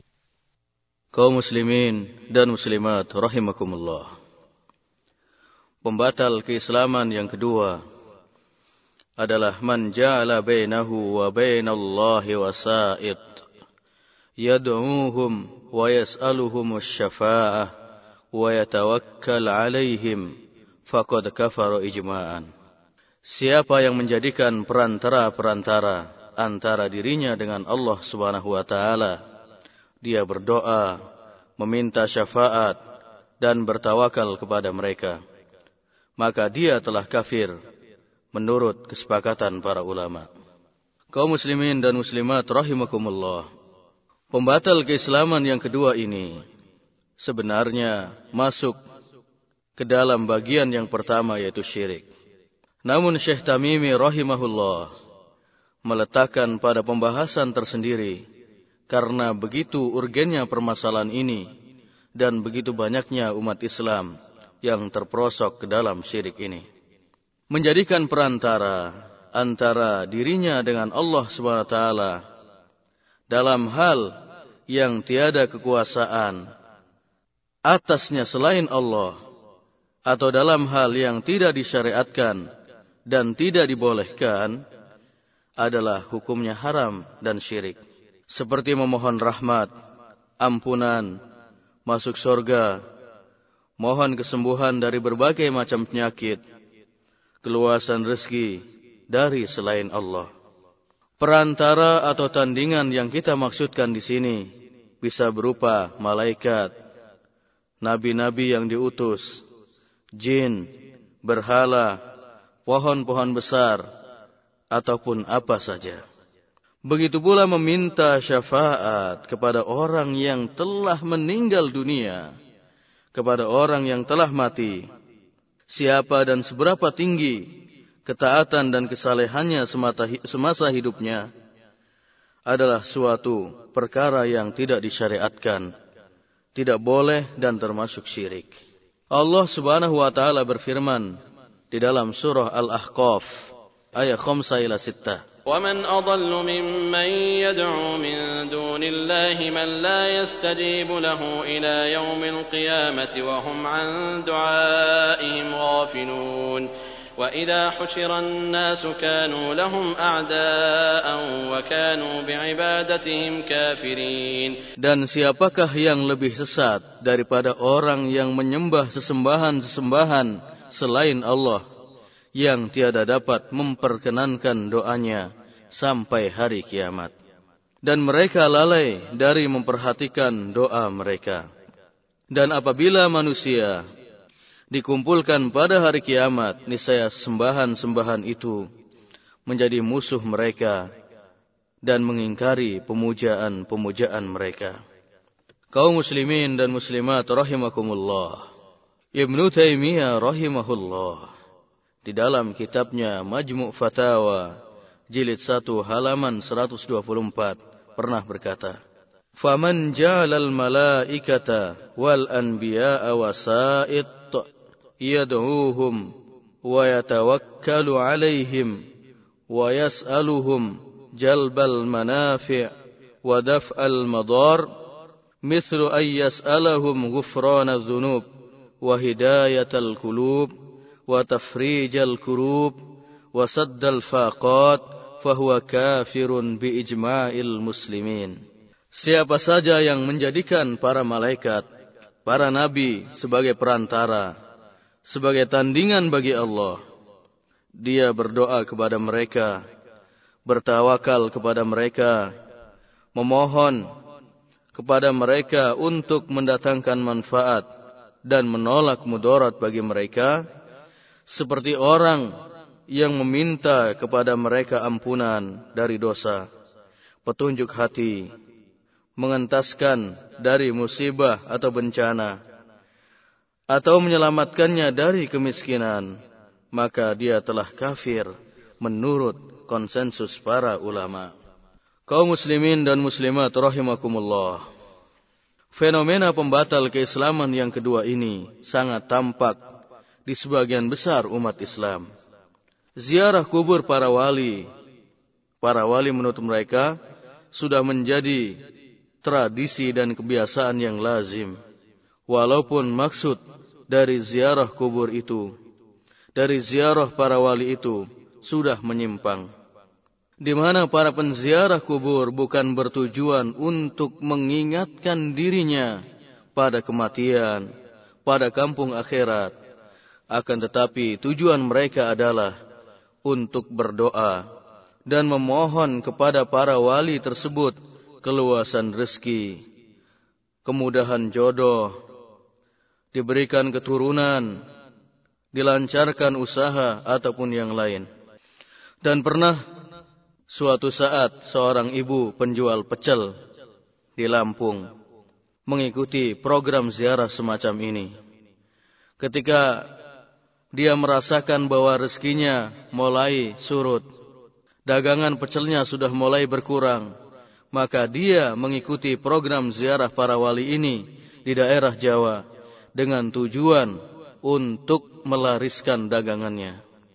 Dan dengan izin Allah Subhanahu wa taala ketika dia mengikuti rombongan ini dan sepulangnya dari sana Allah berikan keluasan rezeki.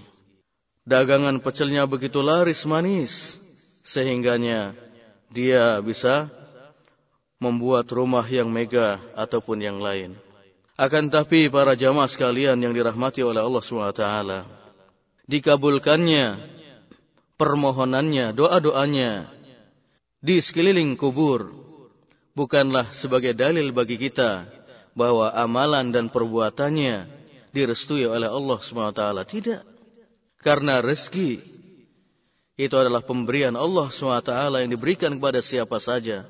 Kepada orang kafir, orang mukmin, kemudian orang yang taat ataupun yang bermaksiat. Diberikannya keluasan rezeki kepada orang yang bermaksiat bukan berlambang, bukan berarti bahwa dia lebih dicintai oleh Allah SWT dari yang lain. Kaum muslimin dan muslimat rahimakumullah.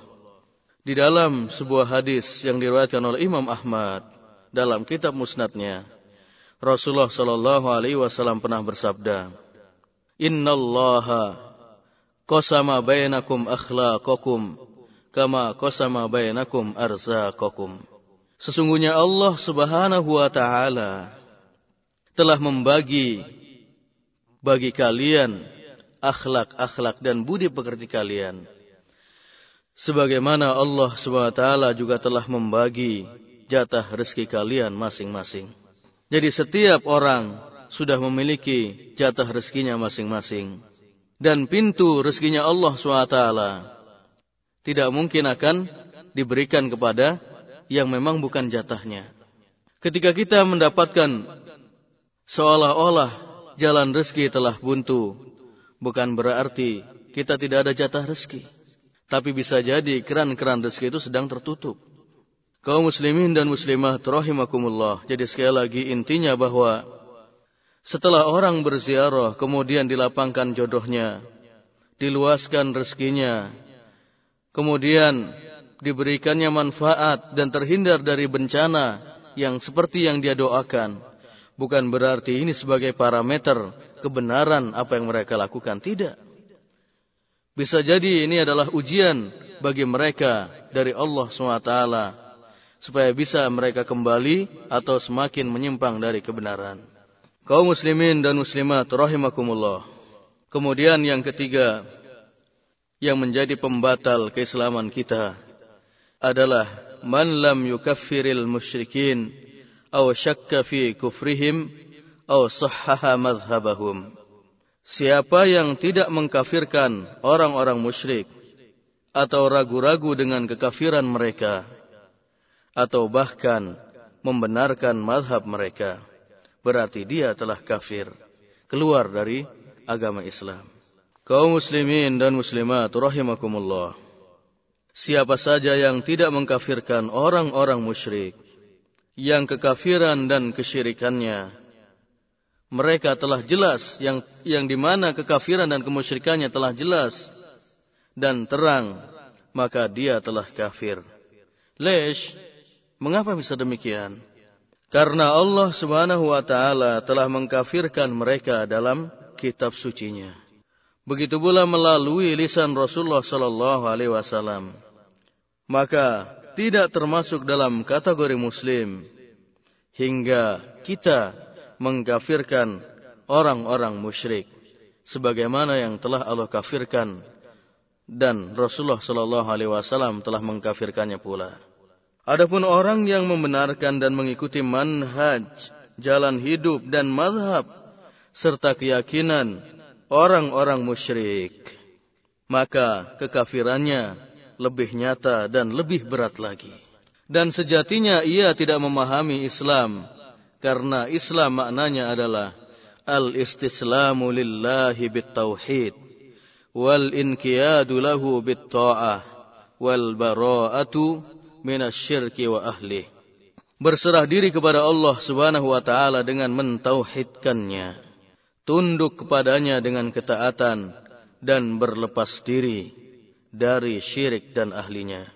Al-Quraisy dalam kitab At-Tanbihat Al-Mukhtasarah mengingatkan kita bahwa termasuk dalam kategori au sahhaha madhhabahum membenarkan madhab orang-orang musyrik, orang-orang kafir adalah kullu man istahsana syai'an yunafi dinal Islam min yahudiyah aw Nasraniyah aw Ishtirakiyah aw Ilmaniyah aw ghairu dzalika min firakil kufri wad dalal. Setiap orang yang memandang baik atau bagus segala apa yang menyelisihi agama Islam baik itu agama Yahudi, Nasrani, paham liberal atau pluralisme, sekuler, dan yang lainnya dari kelompok kufur dan sesat. Kaum muslimin dan muslimat rahimakumullah.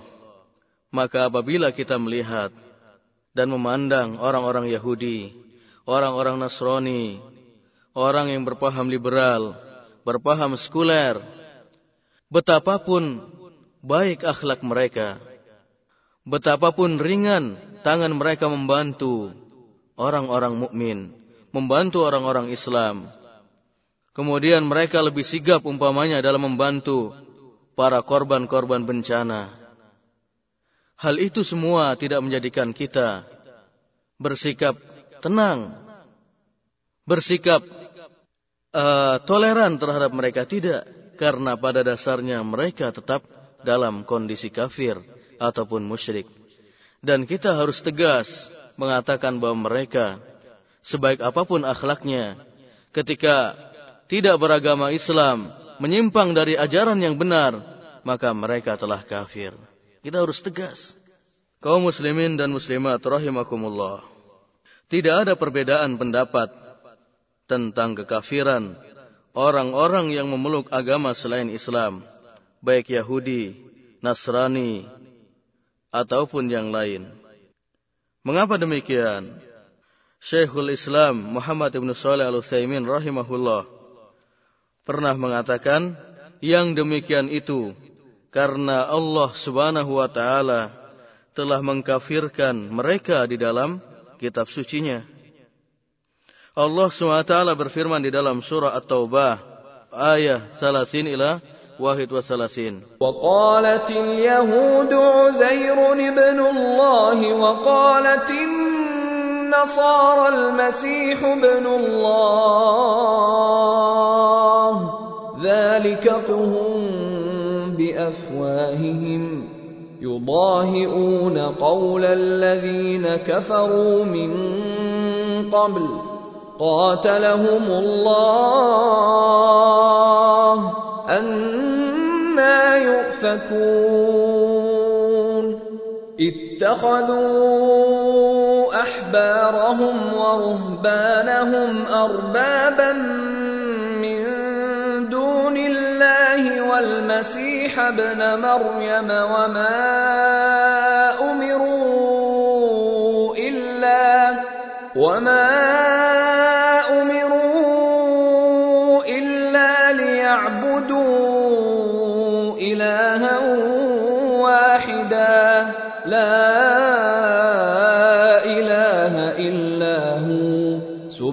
سبحانه عما يشركون Orang-orang Yahudi berkata, Uzair itu adalah putra Allah. Dan orang-orang Nasrani berkata bahwa Al-Masih itu adalah putra Allah. Demikian itulah ucapan mereka dengan mulut mereka. Mereka meniru perkataan orang-orang kafir yang terdahulu. Dilaknati Allah lah mereka. Bagaimana mereka sampai berpaling. Mereka menjadikan orang-orang alimnya dan rahib-rahib mereka sebagai Tuhan selain Allah. Dan mereka juga mempertahankan Al-Masih, mempertuhankan Al-Masih, putra Maryam, padahal mereka hanya disuruh menyembah Tuhan yang Esa. Tidak ada Tuhan yang berhak disembah selain Dia. Maha suci Allah dari apa yang mereka sekutukan. Kaum muslimin dan muslimat rahimakumullah. Ayat-ayat di atas sebagai dalil yang menunjukkan tentang kemusyrikan orang-orang Yahudi dan Nasrani. Sedangkan pada ayat yang lain Allah lebih tegas lagi menyatakan tentang kekafiran mereka seperti dalam firman-Nya fi suratil Maidah ayat 17. Laqad kafara alladziina qalu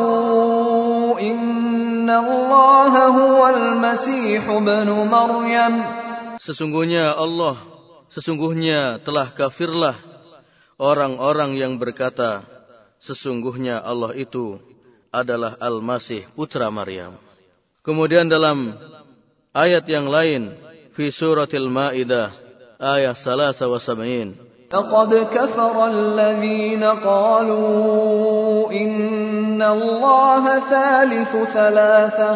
Sesungguhnya kafirlah orang-orang yang mengatakan bahwa bahwasanya Allah salah satu dari yang tiga. Dalam kitab fatwa wa ahkam ad-dakhilina fil Islam, Syekh Ali Abu Laus mengatakan, "Faman ankara kufral Yahudi wan Nasara alladzina lam yu'minu bi Muhammadin وكذبوا. وكذبوه فقد كذب الله عز وجل. وتكذيب الله كفر. ومن شك في كفرهم فلا شك في كفره هو Siapa yang mengingkari kekafiran orang-orang Yahudi dan Nasrani yang tidak beriman terhadap kerasulan Muhammad sallallahu alaihi wasallam dan mendustakannya berarti ia telah mendustakan kalamullah mendustakan Al-Qur'an sedangkan mendustakan kalamullah berarti ia telah kafir dan siapa yang ragu dengan kekafiran mereka, barang siapa yang membantu dengan kekafiran mereka, maka tidak diragukan lagi dengan kekafirannya. Kaum muslimin dan muslimat rahimakumullah, maka jangan sekali-kali kita meyakini ataupun ragu-ragu untuk mengkafirkan orang-orang Yahudi, orang-orang Nasrani, ataupun orang-orang yang memeluk agama selain Islam. Dan jangan sekali-kali kita membenarkan jalan hidup mereka. Jangan sekali-kali kita meniru gaya hidup mereka. Karena apabila ini terjadi, berarti gugurlah keislaman kita. Kaum muslimin dan muslimat rahimakumullah. Kemudian yang keempat yang membatalkan keislaman kita adalah mani takoda anna hadiya ghairil ghairil ghairin nabi sallallahu alaihi wasallam akmalu min hadiyihi au hukma ghairihi ahsanu min hukmihi kalladina yufaddiluna hukma tawagid ala hukmi yaitu siapa yang meyakini bahwa petunjuk selain Nabi sallallahu alaihi wasallam lebih sempurna dari petunjuk Nabi sallallahu alaihi wasallam. Atau siapa yang meyakini bahwa hukum selain hukum Nabi sallallahu alaihi wasallam lebih baik dari hukumnya? Seperti orang-orang yang lebih mendahulukan hukum tauhid atas hukumnya maka berarti dia telah kafir. Berarti gugurlah keislamannya dan berarti dia telah murtad, kharijun minal millah, keluar dari Islam. Kemudian pembatal keislaman yang keempat ini terbagi menjadi dua. Yang pertama adalah an ya'taqida anna hukma au hadiya ghairi Rasul sallallahu alaihi wasallam ahsanu min hukmi wa hadir Rasul sallallahu alaihi wasallam. Siapa yang meyakini bahwa hukum ataupun petunjuk selain Rasulullah sallallahu alaihi wasallam lebih baik dari hukum dan petunjuknya, maka orang yang meyakini bahwa petunjuk dan hukum produk buatan manusia lebih baik dari petunjuk dan hukum Nabi sallallahu alaihi wasallam, maka berarti dia telah kafir berarti dia telah keluar dari Islam. Berarti telah batallah keislamannya. Hal ini dilihat dari dua sisi. Yang pertama, siapa yang meyakini hal itu? Bahwa hukum dan petunjuk selain Rasulullah Sallallahu Alaihi Wasallam lebih baik dari hukum dan petunjuk Rasulullah, maka berarti dia telah mendustakan apa yang ada dalam kitabullah dan apa yang ada dalam sunnah Rasulullah Sallallahu Alaihi Wasallam. Bahwa agama dan jalan hidup yang dibawa oleh Rasulullah Sallallahu Alaihi Wasallam adalah jalan yang paling utama dan paling baik dan tidak dibenarkan seorang pun dari manusia keluar dari jalan tersebut. Allah Subhanahu wa taala berfirman fi suratil Isra ayat 9 إن هذا القرآن يهدي للتي هي أقوم ويبشر المؤمنين ويبشر المؤمنين الذين يعملون الصالحات أن لهم أجرا كبيرا Sesungguhnya Al-Quran ini memberikan petunjuk kepada jalan yang lebih lurus dan memberikan kabar gembira kepada orang-orang mukmin yang mengerjakan amal soleh bahwa bagi mereka ada pahala yang besar. Kaum muslimin dan muslimat rahimakumullah. Diriwayatkan dari Jabir bin Abdullah radhiyallahu anhuma. Ia berkata, bersabda Rasulullah sallallahu alaihi wasallam ketika berkhutbah, "Amma ba'd, fa inna khairal hadithi kitabullah." wa khairal hadi hadi Muhammadin sallallahu alaihi wasallam. Amma ba'd, adapun sesudah itu, ketahuilah bahwasanya perkataan yang terbaik adalah kitabullah dan petunjuk yang paling baik adalah petunjuk Muhammad sallallahu alaihi wasallam. Kaum muslimin dan muslimat rahimakumullah. Kemudian yang kedua, orang yang meyakini bahwa hukum ataupun petunjuk selain Rasulullah lebih baik dari petunjuk beliau telah kafir karena berarti ia telah mengenyampingkan sang khalik dan mengedepankan makhluk. Syekh Muhammad Ibrahim, Muhammad bin Ibrahim pernah berkata, Barang siapa yang berkeyakinan bahwa hukum selain hukum Nabi Shallallahu Alaihi Wasallam lebih baik daripada hukumnya, lebih sempurna dan lebih lengkap terhadap apa yang dibutuhkan oleh manusia pada saat berselisih di antara mereka, baik secara mutlak maupun hanya mengambil dari peristiwa-peristiwa kontemporer yang terjadi karena perkembangan zaman dan berubahnya keadaan, maka tidak diragukan lagi bahwa ia telah kafir. Ibnu Abil Is berkata, jika berkeyakinan bahwa berhukum terhadap apa yang telah diturunkan Allah tidak wajib atau ia boleh memilih atau meremehkannya dengan meyakini bahwasanya ia adalah hukum Allah maka ia telah kafir. Kaum muslimin dan muslimat rahimakumullah. Kemudian bagian yang kedua adalah an yu'ridu an syariatir rasul wala yatahakamu ilaiha. Berpaling dari syariat Rasulullah sallallahu alaihi wasallam dan tidak memperlakukan hukum dengannya. Meninggalkan, mengabaikan dan membiarkan hukum Allah SWT serta mengambil hukum produk buatan manusia adalah kafir sebagaimana firman Allah Subhanahu wa taala fi suratil Maidah ayat arba wa arba'in. man lam yahkum bima anzalallahu fa ulaika humul kafirun dan barang siapa yang tidak berhukum dengan apa yang telah diturunkan Allah Subhanahu wa taala maka berarti mereka telah kafir. Kaum muslimin dan muslimat rahimakumullah Syekh bin Bas rahimahullah pernah berkata, termasuk dalam pembatal keislaman yang nomor empat ini adalah orang yang berkeyakinan bahwa aturan-aturan atau perundang-undangan yang diciptakan manusia adalah lebih utama daripada syariat Islam atau syariat Islam tidak tepat lagi untuk diterapkan pada abad ini. Atau berkeyakinan bahwa Islam adalah sebab kemunduran dari kaum muslimin. Atau siapa yang berkeyakinan bahwa Islam terbatas dalam mengatur hubungan antar manusia saja dengan Tuhannya dan tidak mengatur urusan kehidupannya yang lain.